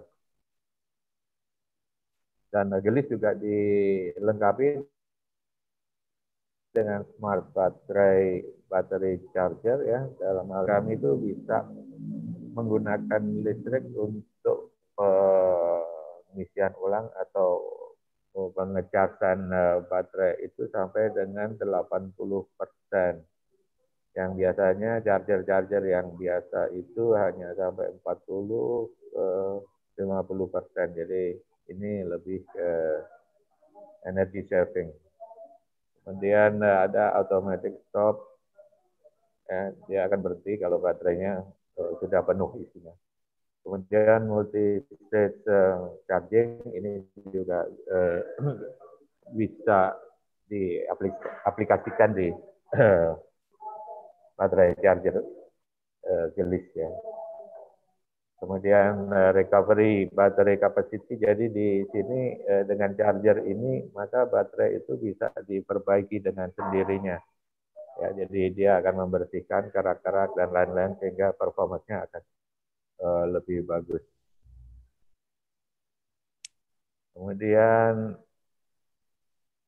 uh, di sini yang paling penting sebenarnya yang uh, selalu kami sosialisasikan kepada pelanggan kami atau ke masyarakat ya yang ingin uh, mencoba me mengoperasikan gelis yaitu mengenai efisiensi daripada kendaraan listrik kami ya. Jadi kalau kita lihat di sebelah kiri itu adalah uh, operational cost-nya untuk gelis per kilometer kalau kita lihat yang berwarna biru itu hanya 62 rupiah per kilometer di mana yang kendaraan roda tiga yang menggunakan bahan bakar minyak itu eh, biaya operasional per kilometernya adalah 261 rupiah.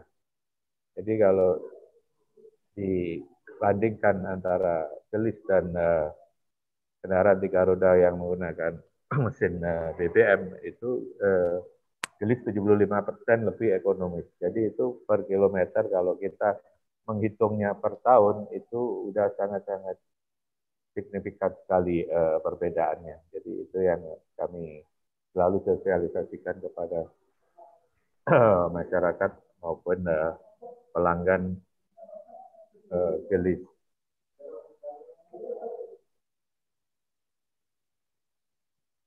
Ini adalah produk kami ya berbagai uh, varian di sini. Jadi di sini uh, kami juga bekerja sama dengan uh, beberapa organisasi, terutama berkolaborasi dengan gerakan desa emas ya bahwa nanti kami akan menyediakan sasis gelis ya yang gambarnya di tengah bawah itu yang tidak ada gerobaknya. Nah dari situ nanti kami bersama-sama dengan eh, GDE untuk uh, me memberi pelajaran, memberikan training dengan eh, teman-teman di desa di, di, di desa ya untuk bisa membuat gerobak dan membuat uh, beberapa komponen dari gelis yang di mana nanti hasil daripada pembuatan itu akan kami beli dan uh, kami pasang di gerobak listrik untuk dipasarkan. Ini adalah tipe yang lain. Ini adalah spesifikasinya ya. Jadi motornya itu uh, 800 watt, baterainya itu yang standar kami menggunakan 26 ampere hour ya dengan uh, 48 volt ya. Kemudian kemampuan tanjakannya adalah 15 derajat atau 30 persen dan daya angkutnya itu 300 kg. Jadi ini cukup untuk uh, berjualan uh, di jalan ya oleh teman-teman kita uh, pelaku usaha UMKM layanan Borna Jual ini juga eh, sangat menantang karena eh, kendaraan listrik atau bermotor listrik kami ini sangat-sangat baru di pasar Indonesia. Jadi banyak yang khawatir bahwa eh, layanan purna jualnya itu tidak ada dan sulit dan lain-lain. Jadi kami telah mengantisipasi itu dan juga kami sebagai uh, eh, APM ya agen agen pemegang merek yang sudah diregistrasi di Kementerian Perindustrian maka kami bertanggung jawab untuk uh, menyiapkan layanan purna jual maupun layanan uh, penjualan daripada uh, produk kami di sini. Kemudian kolaborasi ya kami memang ingin membantu uh, pelaku UMKM itu bisa, untuk bisa mendapatkan uh, gelis ya untuk uh, alat bantu usaha dagang uh, mereka. Jadi dengan ini mereka kalau kita jual langsung ke pelaku usaha UMKM itu akan sangat berat karena harganya juga eh, tidak murah ya karena harga dari gelis ini antara 17 juta sampai 22 juta. Jadi mungkin mereka akan eh, eh, sedikit keberatan ya kalau untuk eh, membeli gelis langsung. Dan oleh karena itu maka kami berkolaborasi dalam hal pemasaran itu ya contohnya dengan uh, GDE ya Gerakan Desa Emas, kemudian dengan organisasi UMKM, UMKM, kemudian BUMDes, Pemkap, Pemkot, kemudian beberapa eh, organisasi ya yang potensial bisa menggunakan uh, gerobak listrik kami. Kemudian uh, kami juga menyiapkan ekosistem dalam hal ini, jadi kami tidak hanya menjual produk, tapi kami ingin uh, bersinergi seperti yang tadi Ibu Erli uh, utarakan sebelumnya. Ya, kami ingin bersinergi dengan pihak mana pun untuk bisa saling mengisi dan uh, saling mengembangkan uh, aktivitas ataupun usahanya. Jadi dalam hal ini kami menyiapkan uh, charging station yang bisa kami lakukan dengan menggunakan tenaga matahari ini mungkin uh, perlu di daerah-daerah uh, pelosok ya yang belum ada listriknya. Kemudian baterai cadangan kami juga siapkan. Kemudian kami juga mengadakan uh, technical training, product knowledge ya untuk mempersiapkan mekanik-mekanik di daerah di mana ada populasi jelis kaum Kemudian uh, ya tentunya penyediaan spare part. Kemudian memberi kesempatan kepada SDM daerah untuk di training membuat komponen gelis seperti sasis, gerobak, dan beberapa komponen lainnya. Ini tadi yang saya sampaikan sebelumnya. Ya, jadi komponen tersebut akan kami beli dan uh, kami rakit di gerobak listrik kami. Kemudian membeli kembali gelis bekas dan direkondisi untuk dijual kembali supaya uh, perputarannya itu bisa dijaga dengan baik. Ya. Dan ini adalah yang penting bahwa kami siap uh, mengumpulkan baterai bekas untuk di uh, recycling oleh uh, pemasok baterai uh, kami. Ya.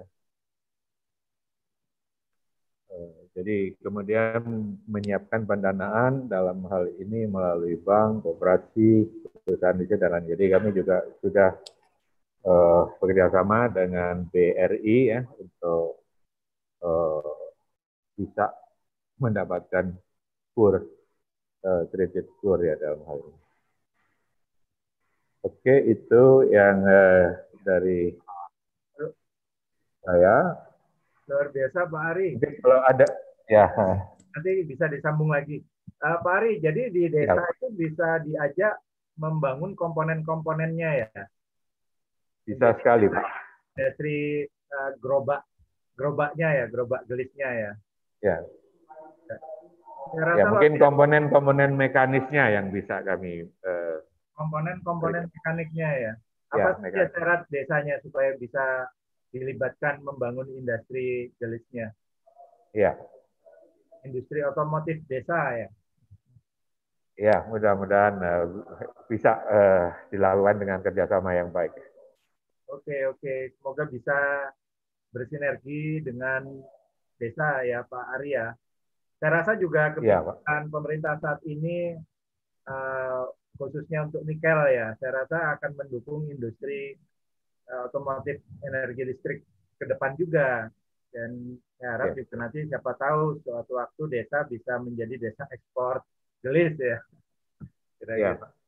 Ya. ya. Nanti kita kembali diskusi lagi. Saya ingin menanyakan kepada Dr. Ariwanto, paling senior dari Pak Riwanto, kira-kira menurut pendapat Bapak tentang aktivitas gerakan desa emas, ya kemudian uh, rekan pupuk, ya termasuk uh, industri gelis sendiri, uh, khususnya blue and green economy desa ke depan, kira-kira uh, ini membawa uh, optimisme ya Bapak.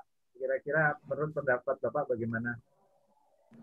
Ya, saya kira ini sebuah apa namanya? Uh, saya tadi pakai istilah inovasi rintisan uh, dari teman-teman lembaga swadaya masyarakat ya.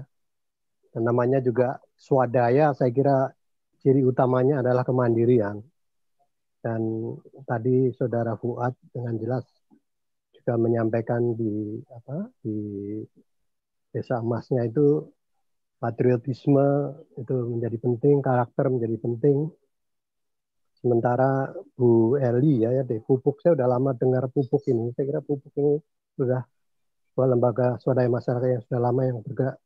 Kalau nggak salah dulu lebih banyak ke isu-isu perempuan ya, isu gender dan sebagainya. Tapi saya lihat dari presentasi Bu Eri tadi sudah berkembang senian rupa sehingga menjadi apa namanya sebuah lembaga swadaya masyarakat yang bergerak di bidang kewirausahaan atau entrepreneurship.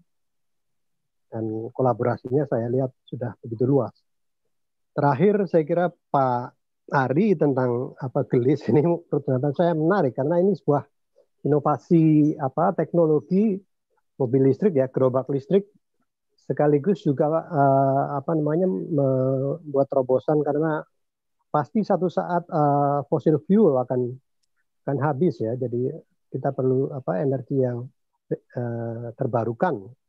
Jadi ini sebuah upaya yang luar biasa. Jadi uh, kesan saya sebagai sebuah inovasi rintisan apa yang disampaikan oleh teman-teman tadi luar biasa. Dan ke depan saya kira memang seharusnya uh, kemandirian masyarakat ini menjadi lebih lebih besar begitu tidak terlalu tergantung pada negara eh, tergantung pada pemerintah. Dan saya kira masyarakat yang sehat adalah masyarakat yang bisa mandiri. Tadi saya mulai dengan sejarah sedikit tentang green revolutions revolusi hijau yang ternyata dampaknya justru membuat apa uh, eksodus ke kota begitu ya dan kita melihat sekarang setelah 50 tahun transformasi sosial di kota itu betapa kota itu menjadi tempat yang sebenarnya tidak nyaman gitu ya. Perencanaan kota juga hampir di, di semua tempat itu amburadul. Eh, Jakarta masih punya problem tentang banjir, punya kemiskinan saya kira masih begitu besar, juga pengangguran ya.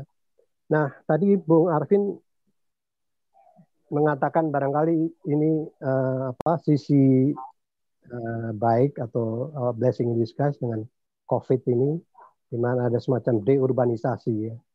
Tidak hanya deurbanisasi, tapi juga deglobalisasi juga ya, karena praktis kita menjadi terhenti ini tidak bisa ke mana-mana begitu ya, antar negara juga terhenti gitu ya, semuanya menjadi on online begitu.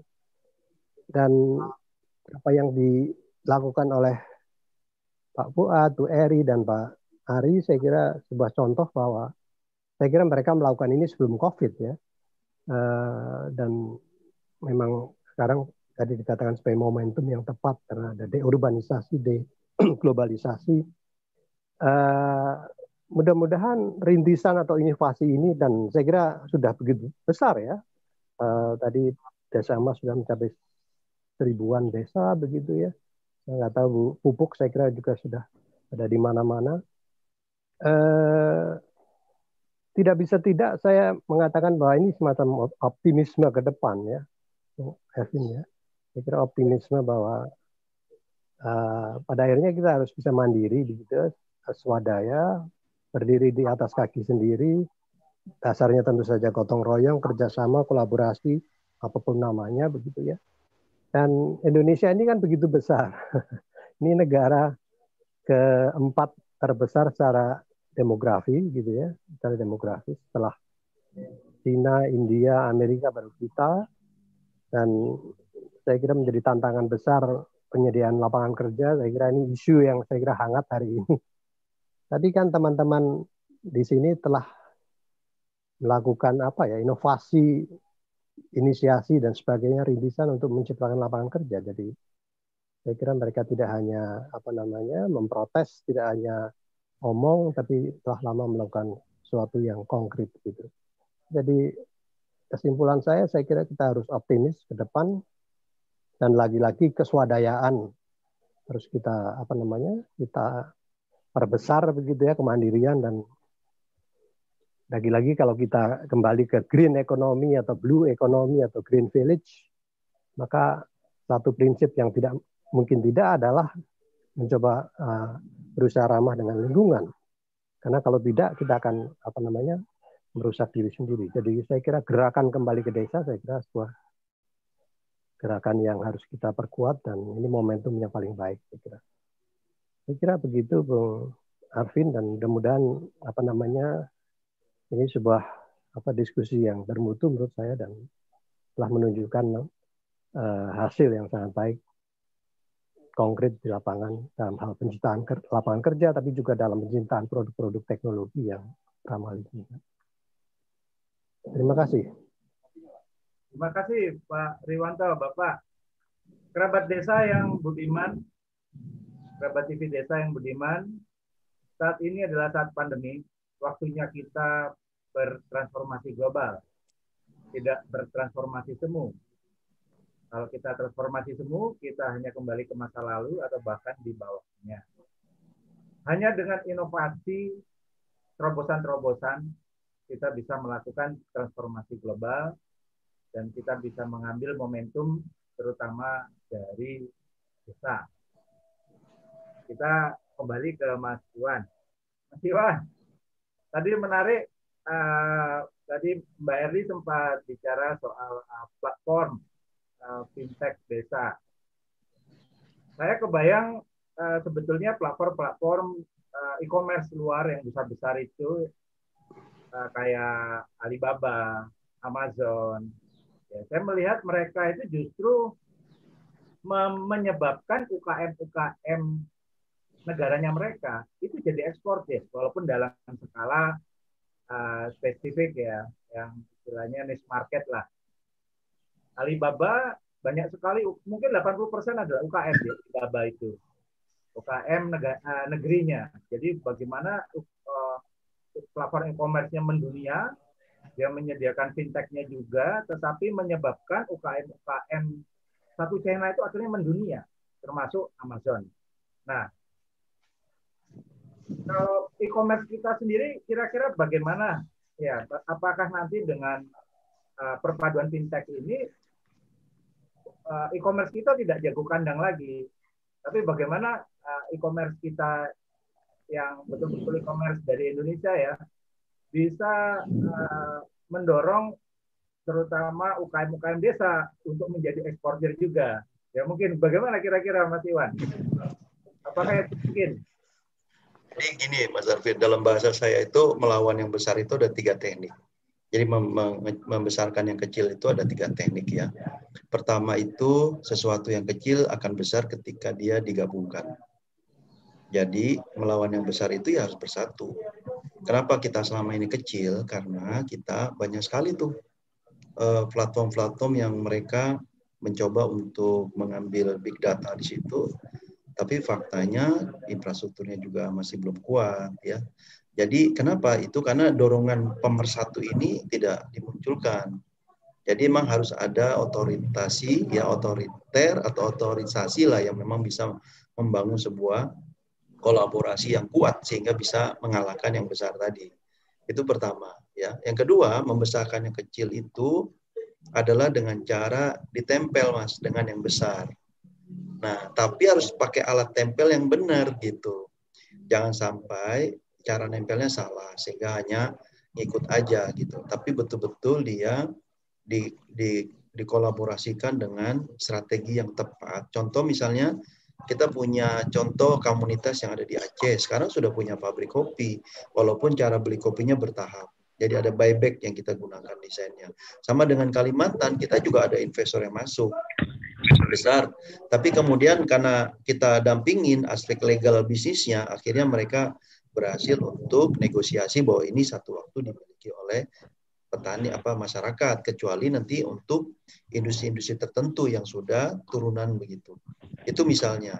Jadi kita perlu membesarkan desa kita ini ya harus harus dengan eh, mengkolaborasikan dengan yang betul-betul besar dan juga punya visi yang sama bahwa kita saling so, dunia ini kan udah saling membantu ya nggak bisa lagi sendirian yang ketiga memang kata kunci dari membesarkan yang kecil itu ya harus pakai kaca pembesar jadi tadi yang sudah dilakukan pupuk bagaimana caranya bisa mengangkat UKM-UKM ini ya terlihat besar ya tadi dengan cara uh, promosi, publikasi, kemudian juga pendampingan dan lainnya. Saya kira eh, strategi-strategi uh, ini kita lakukan. Nah, di gerakan Desa Mas sudah melihat bahwa masa depan ini memang sudah harus kita kita menyesuaikan dengan teknologi digital.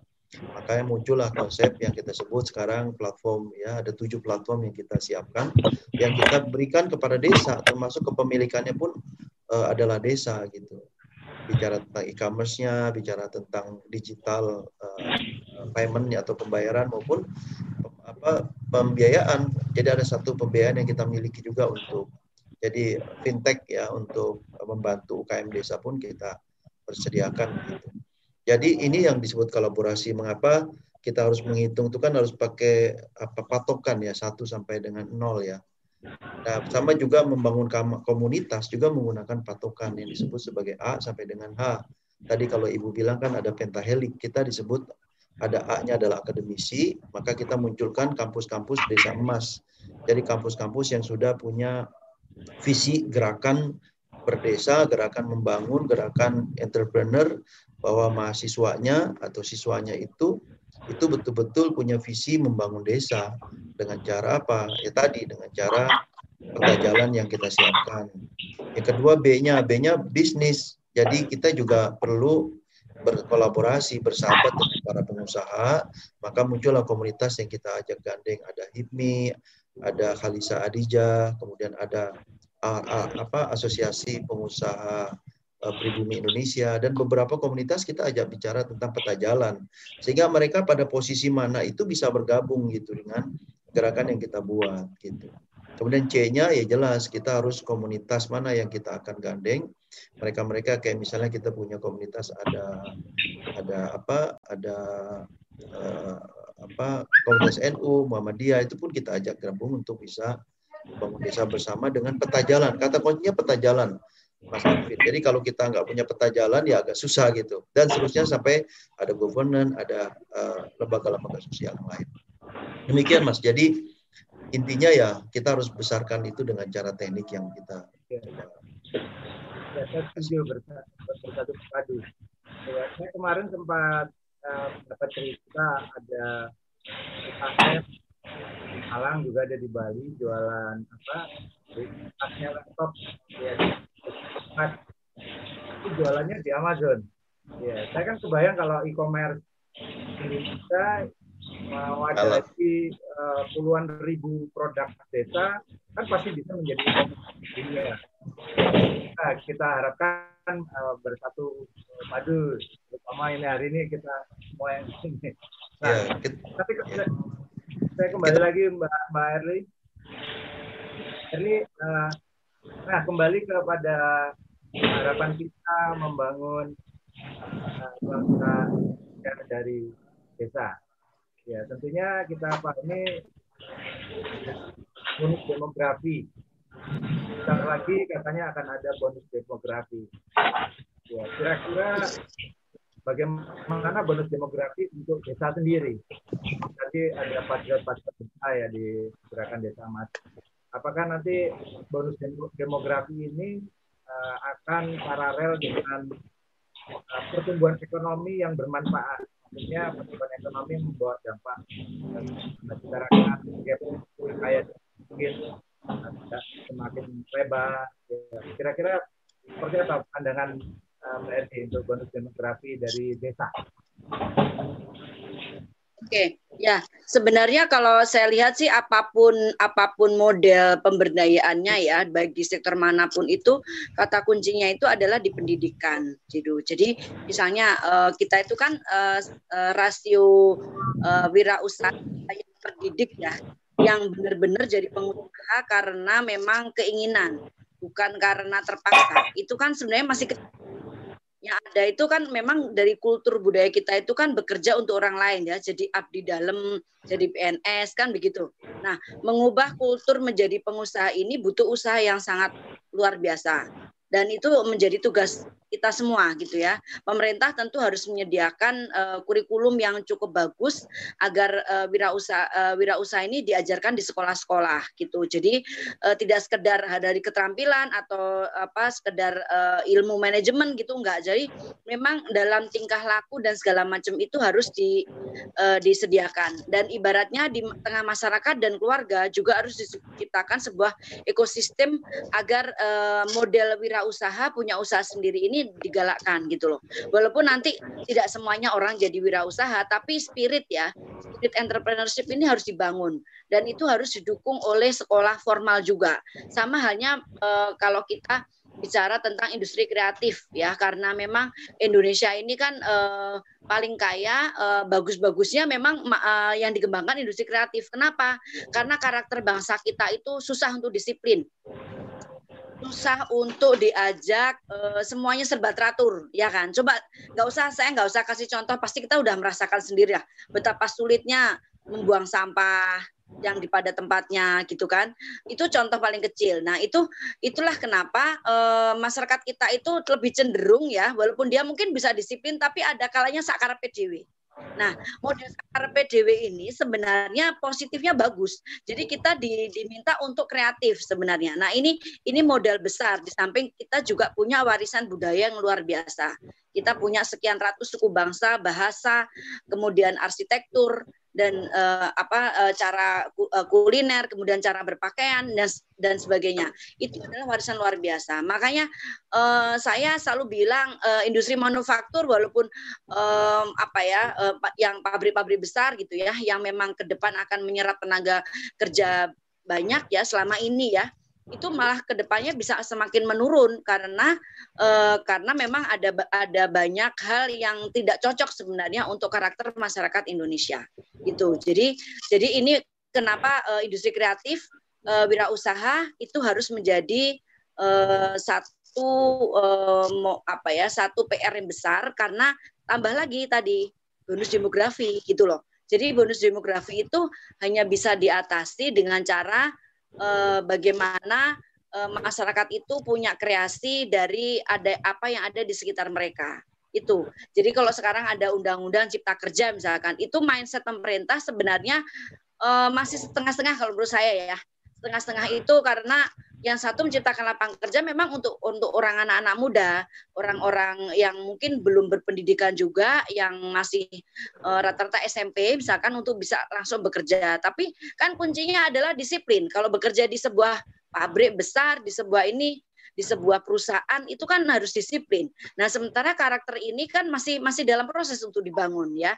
Yang namanya Kementerian Pembangunan Sosial dan Kebudayaan itu kan baru dibentuk. Masih belum kelihatan hasilnya seperti apa ya kan ya. Yang dinamakan revolusi mental itu kan belum terlihat seperti apa. Ke depannya kan bagusnya memang uh, kita harus sesuai dengan karakter bangsa kita. Tetapi uh, uh, secara kultur dari zaman ratusan tahun kita itu beda dengan bangsa Jepang sama Korea sama Cina. Yang memang mereka pada dasarnya itu karena alamnya yang subtropis dan mengalami empat musim, itu mereka itu mau nggak mau dari sisi alamnya itu harus disiplin. Bagaimana pakai baju pas winter, pas musim panas, pas musim semi, pas musim gugur, itu udah satu hal yang sangat membedakan. Nah, sementara Indonesia ini kan alamnya sangat enak banget. Sehingga uh, ya itu tadi karakternya udah gini aja udah bisa hidup kok gitu kan. Gitu. Jadi gini aja cuma pakai begini aja nggak masalah kok nggak nggak akan kedinginan nggak akan kepanasan kan gitu gitu loh jadi itu itu sangat berpengaruh gitu makanya untuk membangun kedisiplinan masyarakat Indonesia itu butuh effort yang luar biasa sehingga kalau saya menekankan ke depan yang dibangun adalah uh, wirausaha. Jadi jangan diarahkan mereka jadi pekerja yang akan bekerja di sebuah pabrik, sebuah institusi besar, jangan. Bikin aja UKM yang skalanya kecil, menengah yang sebanyak-banyaknya. Maksimal pengus, uh, ibaratnya tenaga kerja itu 10 orang, maksimal 50 orang aja. Kan nggak susah-susah tuh. Men, apa ibaratnya memperkerjakan 50 orang dibanding mengatur satu pabrik yang ribuan tenaga kerja yang keinginannya berbeda-beda dan tentu uh, kurang disiplin misalnya begitu ya. Kalau saya sih berpikirnya begitu. Ini ini pendapat saya pribadi. Tapi dari sisi kelembagaan juga ini adalah pengalaman selama sekian puluh tahun kita pendampingan. Betapa susahnya kita mem membuat sebuah uh, sebuah unit usaha itu berkembang karena apa? Karena memang ada ada karakter-karakter SDM yang uh, sulit untuk di apa ya masih sulit untuk diubah ada kawan saya uh, dia itu se seorang pengusaha keripik ya keripik keripik ketela itu loh keripik po ke, ke, ketela pohon ya itu di Magelang. Dulu tuh kecil banget perusahaannya sekarang udah gede sudah ekspor. Terus dia itu banyak permintaan di luar daerah. Dia minta agar beberapa pegawainya itu dikirim ke beberapa lokasi. Nggak mau karena mereka mereka merasa ya sudah Pak saya sudah cukup nih hidup di Magelang enak dekat dengan keluarga gitu kan. Alamnya tidak tidak susah gitu. Saya nggak perlu capek-capek nyari duit, ya kayak kayak gitu. Nah, kita bang mau bagaimana kalau ada orang-orang sekian banyak yang kayak gitu. Nah, sehingga eh, faktor-faktor ini menjadi uh, apa ya perhatian bagi uh, institusi di pendidikan maupun keluarga maupun pemerintah secara umum agar membuat ekosistem uh, kompetitif ya, kompetitif agar masyarakat itu mau kerja keras tetapi tidak dia mandiri untuk dirinya sendiri lah paling tidak itu. Kalaupun dia nanti usahanya sudah berkembang, nggak usah gede-gede juga nggak apa-apa. Yang penting dia bisa menghidupi dirinya sendiri. Kalau mereka yang misalnya pendidikannya rendah gitu ya. Tapi yang pendidikannya tinggi tentu boleh bercita-cita punya punya perusahaan besar. Tapi dari sisi dari sisi manajemen saya saya tetap merasa bahwa cara bekerja kita yang sekarang uh, apa ya uh, harus ngantor tiap hari, kemudian harus dengan bekerja shift dan segala macam itu bagi sebagian masyarakat Indonesia itu masih sulit untuk dilakukan. Tetapi di sisi lain kan e, mereka tetap menuntut e, gaji cukup ya bagi kehidupan sehari-harinya dia. Nah itu kan salah satu trade off yang harus dipecahkan oleh pemerintah saat ini. Akhirnya dikeluarkanlah undang-undang cipta kerja itu gitu. Walaupun uh, di satu sisi bagi UMKM itu uh, cukup menguntungkan dengan kemudahan-kemudahan usaha. Nah, saya berharapkan nanti ke depannya juga lebih banyak uh, program-program untuk kewirausahaan khususnya untuk pengembangan industri kreatif ya karena itulah apa namanya industri kreatif dan pariwisata ya terutama itu yang menjadi kata kunci agar ekonomi Indonesia itu tumbuh itu tuh adalah uh, keunggulan komparatifnya Indonesia. Gak usah kita kita capek-capek untuk membangun sesuatu, kita sudah given punya budaya sekian banyak karena kita udah punya suku bangsa yang berhimpun dalam sebuah negara. Itu itu adalah keunggulan komparatif kita itu yang harus di di di apa di apa jadi jadi dasar. Keunggulan keunggulan kompetitifnya itu adalah bagaimana kita membuat uh, keunggulan komparatif kita itu dikemas dengan cara yang lebih bagus lagi gitu kan. Misalnya bagaimana penampilan homestay bagaimana desain sebuah produk souvenir dan sebagainya. Nah itulah butuh pendidikan eh, di sektor industri kreatif gitu. Bagaimana kita bikin sebuah kesenian yang bisa menarik minat para wisatawan untuk berkunjung ke Indonesia gitu itu adalah bagian yang sangat apa ya sangat menantang lah bagi bagi apa bagi institusi pendidikan pemerintah dan kita semua. Agar nggak sia-sia nih yang sudah kita nikmati nih alam alam yang bagus kemudian kita punya budaya yang beraneka ragam itu yang harus kita manfaatkan.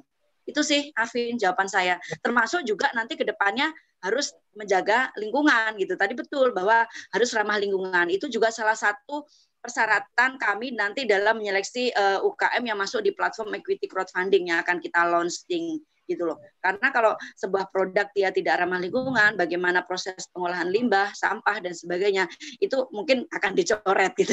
Karena itu adalah nomor satu. Jadi produk green and healthy dan mungkin kalau yang karena pasarnya muslim juga halal gitu ya, walaupun kalau kita ngomong masalah sertifikasi halal panjang lagi juga ya ceritanya saya sudah advokasi ini dari dulu kan harusnya kalau di Indonesia itu sertifikat haram aja yang dikeluarkan bukan sertifikat halal karena pada dasarnya kan semua itu boleh kecuali bla bla bla kan itu yang bla bla bla itu sedikit banget loh. Tetapi kan akhirnya menjadi masalah karena jadi komersil kan gitu. Nah, itulah yang yang menjadi uh, apa catatan ya khusus sertifikat halal. Tapi memang uh, secara umum memang kita harus mengkonsumsi produk-produk yang uh, apa bersih, sehat, ramah lingkungan dan tadi halal bagi yang muslim. Itu aja dari saya. Ya, terima kasih Mbak Erli. Uh, nanti kita kembali lagi kerabat desa yang budiman. Tadi menarik uh, Mbak Erli dari Desa Sleman menyampaikan bahwa sebetulnya desa-desa sudah memiliki keunggulan komparatif untuk menjadi fondasi utama blue economy dan green economy bangsa ini. Desa sudah memiliki semuanya. Ada alamnya, modal kebudayaannya, basis kreativitasnya, dan juga nilai-nilai histori. Semuanya sudah dimiliki oleh desa. Jadi desa sebetulnya sangat besar memiliki potensi menjadi kluster industri yang disampaikan uh, Mbak Erli. Jadi untuk uh, bonus demografi disebutkan yang utama adalah keberanian mengubah sistem pendidikan. Salah satunya adalah vokasi. Keterampilan yang ada di desa itu, apa sumber daya alamnya, apa sumber daya kreatifnya, mungkin cukup belajar itu saja. Tapi mereka harus membangun misalnya didukung penuh untuk belajar itu. Nah, untuk vokasi, coba kita tanya ke Pak Ari. Tadi kita mendengar bahwa ada program-program dari Gelis untuk membangun uh, industri UKM di desa melalui uh, inkubasi, workshop gerobak dan lain-lain. Kira-kira vokasi yang diberikan seperti apa, Pak Ari, supaya SDM desa ini uh, cukup terampil menerapkan uh, standar yang diinginkan oleh pihak beli. Silakan ya. Pak. Ya, baik. Terima kasih Mas Arvin. Jadi sebenarnya uh, vokasi yang akan kami berikan itu sangat mudah sekali ya. Jadi nanti kalau populasi daripada gerobak listrik di daerah di mana uh, akan dibangun uh, katakanlah industri kreatif uh, di pedesaan, maka kami akan melakukan uh, semacam vocational training dengan uh, SDM-SDM di daerah tersebut yang kami juga akan bimbing sampai mereka bisa untuk membuat sendiri. Tentunya Eh, teman-teman di eh, daerah itu kan juga butuh uh, peralatan ya investasi. Dan ini yang mungkin uh, harus juga didukung didukung oleh uh, otoritas uh, daerah setempat itu sendiri. Jadi uh, yang kami inginkan itu sebenarnya kolaborasi ataupun uh, sinergi antara uh, pemerintah tempat ataupun uh, otoritas tempat dengan kami dan uh, sumber daya yang ada di situ sehingga kami bisa melakukan vocational training ini sampai uh, produk tersebut bisa uh, jadi dibuat dan bisa kami gunakan untuk kendaraan untuk kendaraan kami itu sih sebenarnya mengenai vocational training. Terima kasih Pak Ari. Nanti uh, menyampaikan pesan-pesan sebelum kita tutup acara hari ini kepada kerabat desa tentang optimisme, optimisme ya menghadapi era after pandemi. Ya, kita mulai dulu dari Pak Triwanto. Tidak terasa waktu sudah uh, dua jam, ya. Kita oh, sudah waktunya untuk menyapa berpamitan kepada pemirsa TV Desa Kerabat Desa. Mohon uh, natum-natum yang budiman dan menyam, dapat menyampaikan pesan-pesan semangat-semangat optimisme kepada uh, pemirsa kerabat desa yang budiman. Silakan kita mulai dari Bapak Iwanto.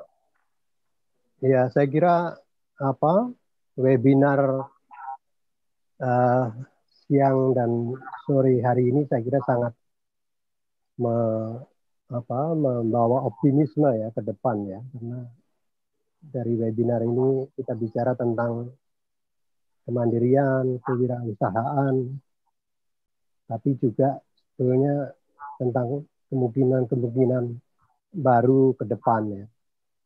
Dan uh, pandemi yang belum teratasi ini saya kira sebuah momentum sekali lagi dan harus kita manfaatkan sebaik mungkin bahwa ternyata eh, kota-kota kita begitu rentan ya. Ini terbukti bahwa penularan lebih banyak di kota dan banyak orang yang harus kembali ke desa. Dan saya kira ini sebuah momentum untuk kita sambut dan beberapa contoh tadi apa inovasi rintisan uh, usaha untuk uh, membuat terobosan-terobosan saya kira telah banyak dilakukan dengan nama desa gitu ya juga dengan nama kemandirian. Jadi saya kira kita harus apa namanya lebih optimis ke depan. Dan lagi-lagi kalau kita harus ngomong tentang desa kita juga harus ngomong tentang lingkungan kita juga harus ngomong tentang tadi ada bonus demografi artinya uh, banyak apa uh, lapangan kerja yang harus kita ciptakan. Tapi juga lagi-lagi kita perlu apa namanya sebuah masyarakat yang adil sebuah masyarakat yang sejahtera dan bisa menghargai toleransi satu sama lain. Saya kira itu Pak. Terima kasih. Terima kasih Bapak Riwanto. Matur Sukma bisa hadir hari ini. Luar biasa Pak Pak Ari silakan pesan-pesan semangat ya. optimisme bangsa dari Pak Ari. Ya, terima kasih. Uh, jadi menurut saya untuk melakukan gerakan baru dalam hal ini adalah ramah lingkungan yang mungkin tadi Ibu Erli sudah mengatakan yang menghasilkan uh, produk green dan healthy itu tidak bisa dijalankan secara individual atau sendiri-sendiri. Jadi itu dibutuhkan suatu sinergi, suatu kolaborasi maupun suatu konsorsium. Kemudian yang kedua itu sosialis sosialisasi mengenai ramah lingkungan ini harus benar-benar dioptimalkan karena masyarakat Indonesia ini masih banyak yang belum apa namanya uh, aware terhadap uh, ramah lingkungan. Itu aja dari saya. Terima kasih. Terima kasih Pak Ari. Terima kasih banyak atas kehadiran hari ini. Uh, Bu Erli, Mbak Erli silakan menyampaikan pesan-pesan kepada pemirsa TV Desa Kerabat Desa. Ya, terima kasih uh, Mas Arvin ya uh, kepada kerabat desa tentu uh, saya harapkan uh, mulai mulailah sekarang untuk memanfaatkan segala sesuatu yang ada di sekitar bapak bapak-bapak dan ibu-ibu, kawan-kawan semua. Di situ apa ada apa saja karena kalau kita punya pengetahuan yang cukup pastinya kita itu bisa mengolah apa pun yang ada di sekitar kita. Itu aja dari saya karena desa itu potensinya luar biasa dan jangan lupa juga jaga lingkungan agar keasrian dan apa ya keindahan desa itu tetap terjaga walaupun tadi dibilang sama Mas Arvin mungkin banyak juga orang yang dulunya urbanisasi balik lagi ke desa karena pandemi ya gitu ya. Nah, dengan adanya pertumbuhan penduduk dari uh, penduduk asli desa balik lagi kampung gitu ya. Tentu ini tantangan tersendiri karena akan ada misalnya perubahan area-area yang dunia pertanian menjadi perumahan. Nah, ini butuh kebijakan yang tepat oleh uh, perangkat desa dan pemerintah daerah ya karena jangan sampai nanti wilayah desa itu yang awalnya adalah daerah pertanian kemudian menjadi perumahan itu sangat disayangkan kalau itu terjadi kan karena pertambahan penduduk yang ada di desa sehingga uh, kita harapkan nanti konsep perumahan pun bisa ada perubahan juga gitu ya mereka uh, bikin perumahan yang uh, apa yang tentu ramah lingkungan menyatu dengan alam sehingga tidak merusak uh, keasrian yang ada di desa itu sendiri. Itu aja. Terima kasih. Terima kasih Pak Erli, luar biasa. Nah, kita sapa dulu yang mewakili pemirsa. Nah, di sini saya mau manggil Pak Subiono Hadi Prayitno. Mohon Bapak bisa mewakili pemirsa kerabat desa memberikan uh, semangat semangat untuk kita semua juga yang ada di sini. Silakan Bapak. Ya, selamat sore Mas Arfi sebagai host, uh, juga para narasumber yang luar biasa. Uh, seperti yang sampaikan, sebenarnya saya ber, berkawan dengan Mas Ari ini.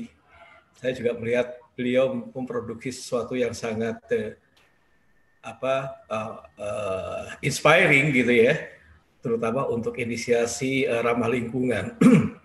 Dan saya pikir kita di luar negeri banyak sekali orang berlomba-lomba semuanya menjadi ke elektrik. Kenapa kok kadang-kadang di kita sendiri kita awarenessnya kurang gitu.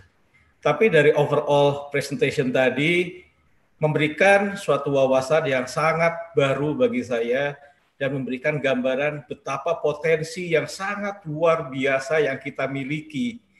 Yang setuju sekali bahwa mungkin kita harus ada the urbanization itu tadi jadi uh, bagaimana sekarang kita justru membuat uh, roadmap yang ke arah situ melakukan uh, mungkin saya pikir saya tadi terpikir bagaimana melakukan uh, apa manajemen data potensi daripada setiap desa melakukan approach dari satu desa ke desa lain tentunya juga berbeda gitu untuk mencapai itu tersebut. Tapi intinya uh, latar belakang saya sangat jauh dari masalah manajemen desa, tapi saya sendiri juga dari desa begitu ya. Jadi itulah yang sangat tertarik. Jadi ini sangat uh, this is a really uh, uh, uh, apa uh, wake up call bagi saya begitu ya. Kenapa kok uh, banyak sekali potensi yang bisa kita kembalikan ke desa. Uh, saya di dunia aviation banyak masalah logistik juga. Kemudian juga sekarang beberapa tahun terakhir kembali ke dunia manufacturing uh, yang mudah-mudahan juga ingin makanya saya bergabung di sini untuk melihat kemungkinan potensi untuk berpartisipasi dengan rekan-rekan semuanya. Tujuannya satu, bagaimana menciptakan uh, emas desa dan ramah lingkungan, kemudian juga juga yang tadi ya uh, apa blue economy sama green economy itu tadi. Saya pikir gerakan ini harus kita dukung dan harus kita uh, tunjang sepenuhnya. Seperti tadi adalah jangan pernah menyerah, mungkin begitu. Terima kasih sekali Wabil khusus untuk Mas Ari yang telah menginvite saya dan juga semuanya atas uh, welcome pada forum ini. Terima kasih, selamat sore. Terima kasih Pak Bapak Supriyono mewakili pemirsa kerabat desa. Dan uh, closing untuk closing uh, Pak Iwan, Mas Iwan, silakan pesan-pesan memberikan semangat kepada pemirsa Senusantara. Baik, terima kasih Mas Alvin. Ya, mohon maaf saya tadi keluar sebentar. Uh, jadi memang udah saatnya kita menjadi pahlawan yang kita siapkan ya. Dan biar bagaimanapun eh, kita membutuhkan pahlawan baru untuk berpikir bagaimana Indonesia ini merdeka yang kedua. Karena kita yakin kita masih banyak belum merdeka dari berbagai hal. Tapi merdeka yang lebih hakiki barangkali juga kita perlu terjemahkan dalam sebuah KPI yang terukur di lapangan gitu sehingga perubahan-perubahannya terlihat jelas kemudian kita bisa rasakan dan kita bisa nikmati bagaimana perjuangan kita itu bisa uh, bisa kita banggakan di akhirat nanti. Saya kira Mas Arvin yang penting bahwa orang besar itu selalu dekat dengan yang kecil. Orang yang kuat itu pasti dekat dengan yang lemah gitu. Maka karena itu ketika kita ingin kuat, ya kita harus dekat dengan yang lemah di desa saat ini. Kalau kita mau besar, maka kita harus dekat dengan yang kecil, ya desa saat ini. Sehingga insya Allah ketika kita kita akan seperti itu, maka yang maha besar, yang maha kuat akan selalu bersama kita. Saya kira demikian, Mas. Semoga sukses semuanya. Mohon maaf lahir batin apabila ada yang kurang berkenan. Assalamualaikum warahmatullahi wabarakatuh. Luar biasa, wejangannya luar biasa. Terima kasih Mas Iwan, luar biasa. Terima kasih seluruh narsum kerabat desa yang budiman kita uh, hari ini di hari yang cerah ya di tempat saya cerah kita uh, kehadiran narsum-narsum yang sangat berbagi dengan kita. Talk with Arvin bukan menjadi acara tayang TV adu ilmu para narsum yang berujung pertengkaran. Tetapi Talk with Arvin adalah diskusi narsum-narsum yang handal, potensial, dan sangat berbagi pengetahuan kepada kita, merangkai pengetahuan dan budaya bangsa bersama-sama untuk rakyat dari desa. Sampai jumpa di Talk with Akim berikutnya. Wassalamualaikum warahmatullahi wabarakatuh.